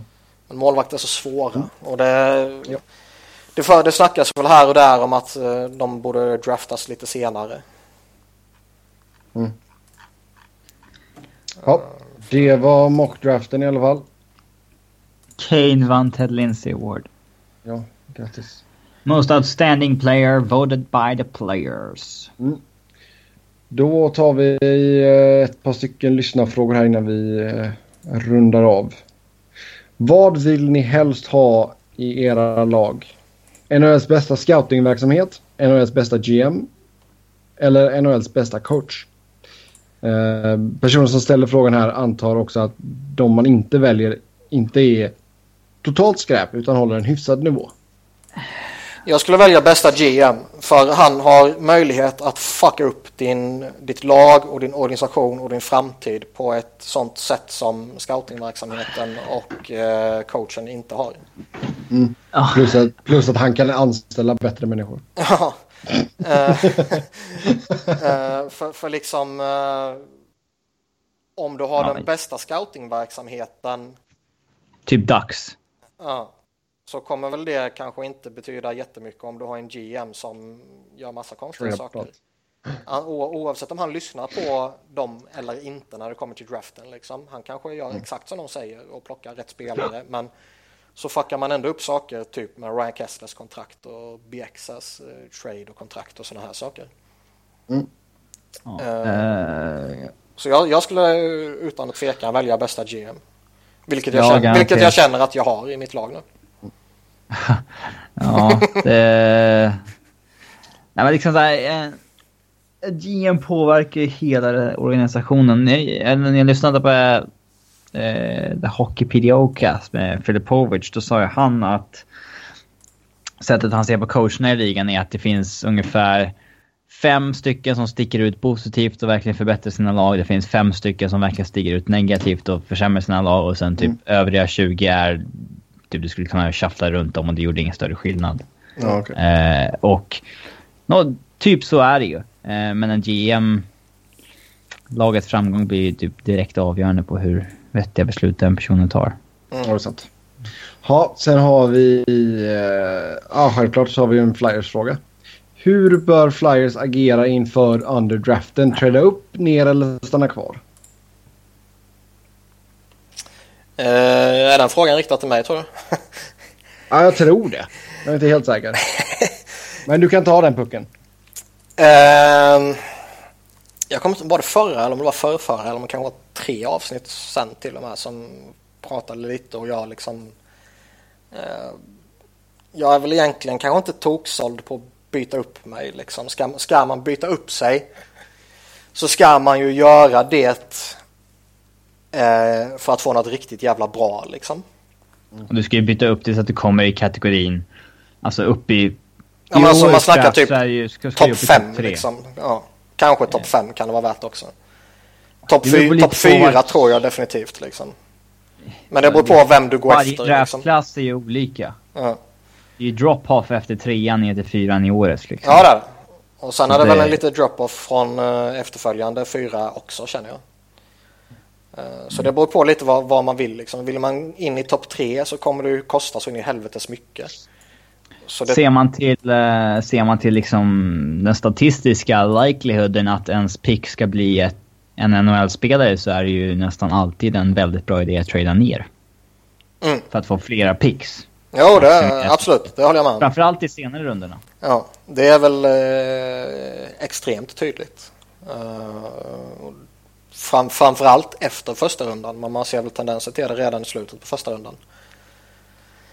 Och eh, bara för skojs skull kan man ju kolla på liksom vilka andra spelare genom åren som har gått på 18 valet och det är ju ja, ibland har man haft flyt liksom och ju, oftast är, tycker jag det bara är skräp liksom när man tittar tillbaka på typ de 20 senaste 18 valen så att säga. Mm. Eh, å andra sidan så genom åren har faktiskt Flyers varit rätt duktiga på att få fram bra forwards eller bra spelare kring liksom strax eh, över eller under 18 valet med Joe, Richards och Sanheim och hela det här köret. Så. Det kanske bara är flyt liksom men eh, jag skulle väl egentligen inte ha något mot att stanna kvar heller. Eh, ska, man, ska det vara någon, som jag sa, ska det vara någon nytta att byta upp sig så ska man byta upp sig rejält och det kommer det kosta väldigt mycket. Eh, ska man bara byta upp sig från liksom 18 platsen till 14 platsen eller sånt där så är ju frågan om det är så jävla stor skillnad så det är värt att offra tillgångar för det. Mm. Ja. Sen har vi förutse tre stycken draft day, day trades var som ni verkligen tror kommer hända. Kan vi, kan vi bara köra tre stycken till ihop eller? Sa du för någonting? Förutse tre stycken draft day trades var som ni verkligen tror kommer hända.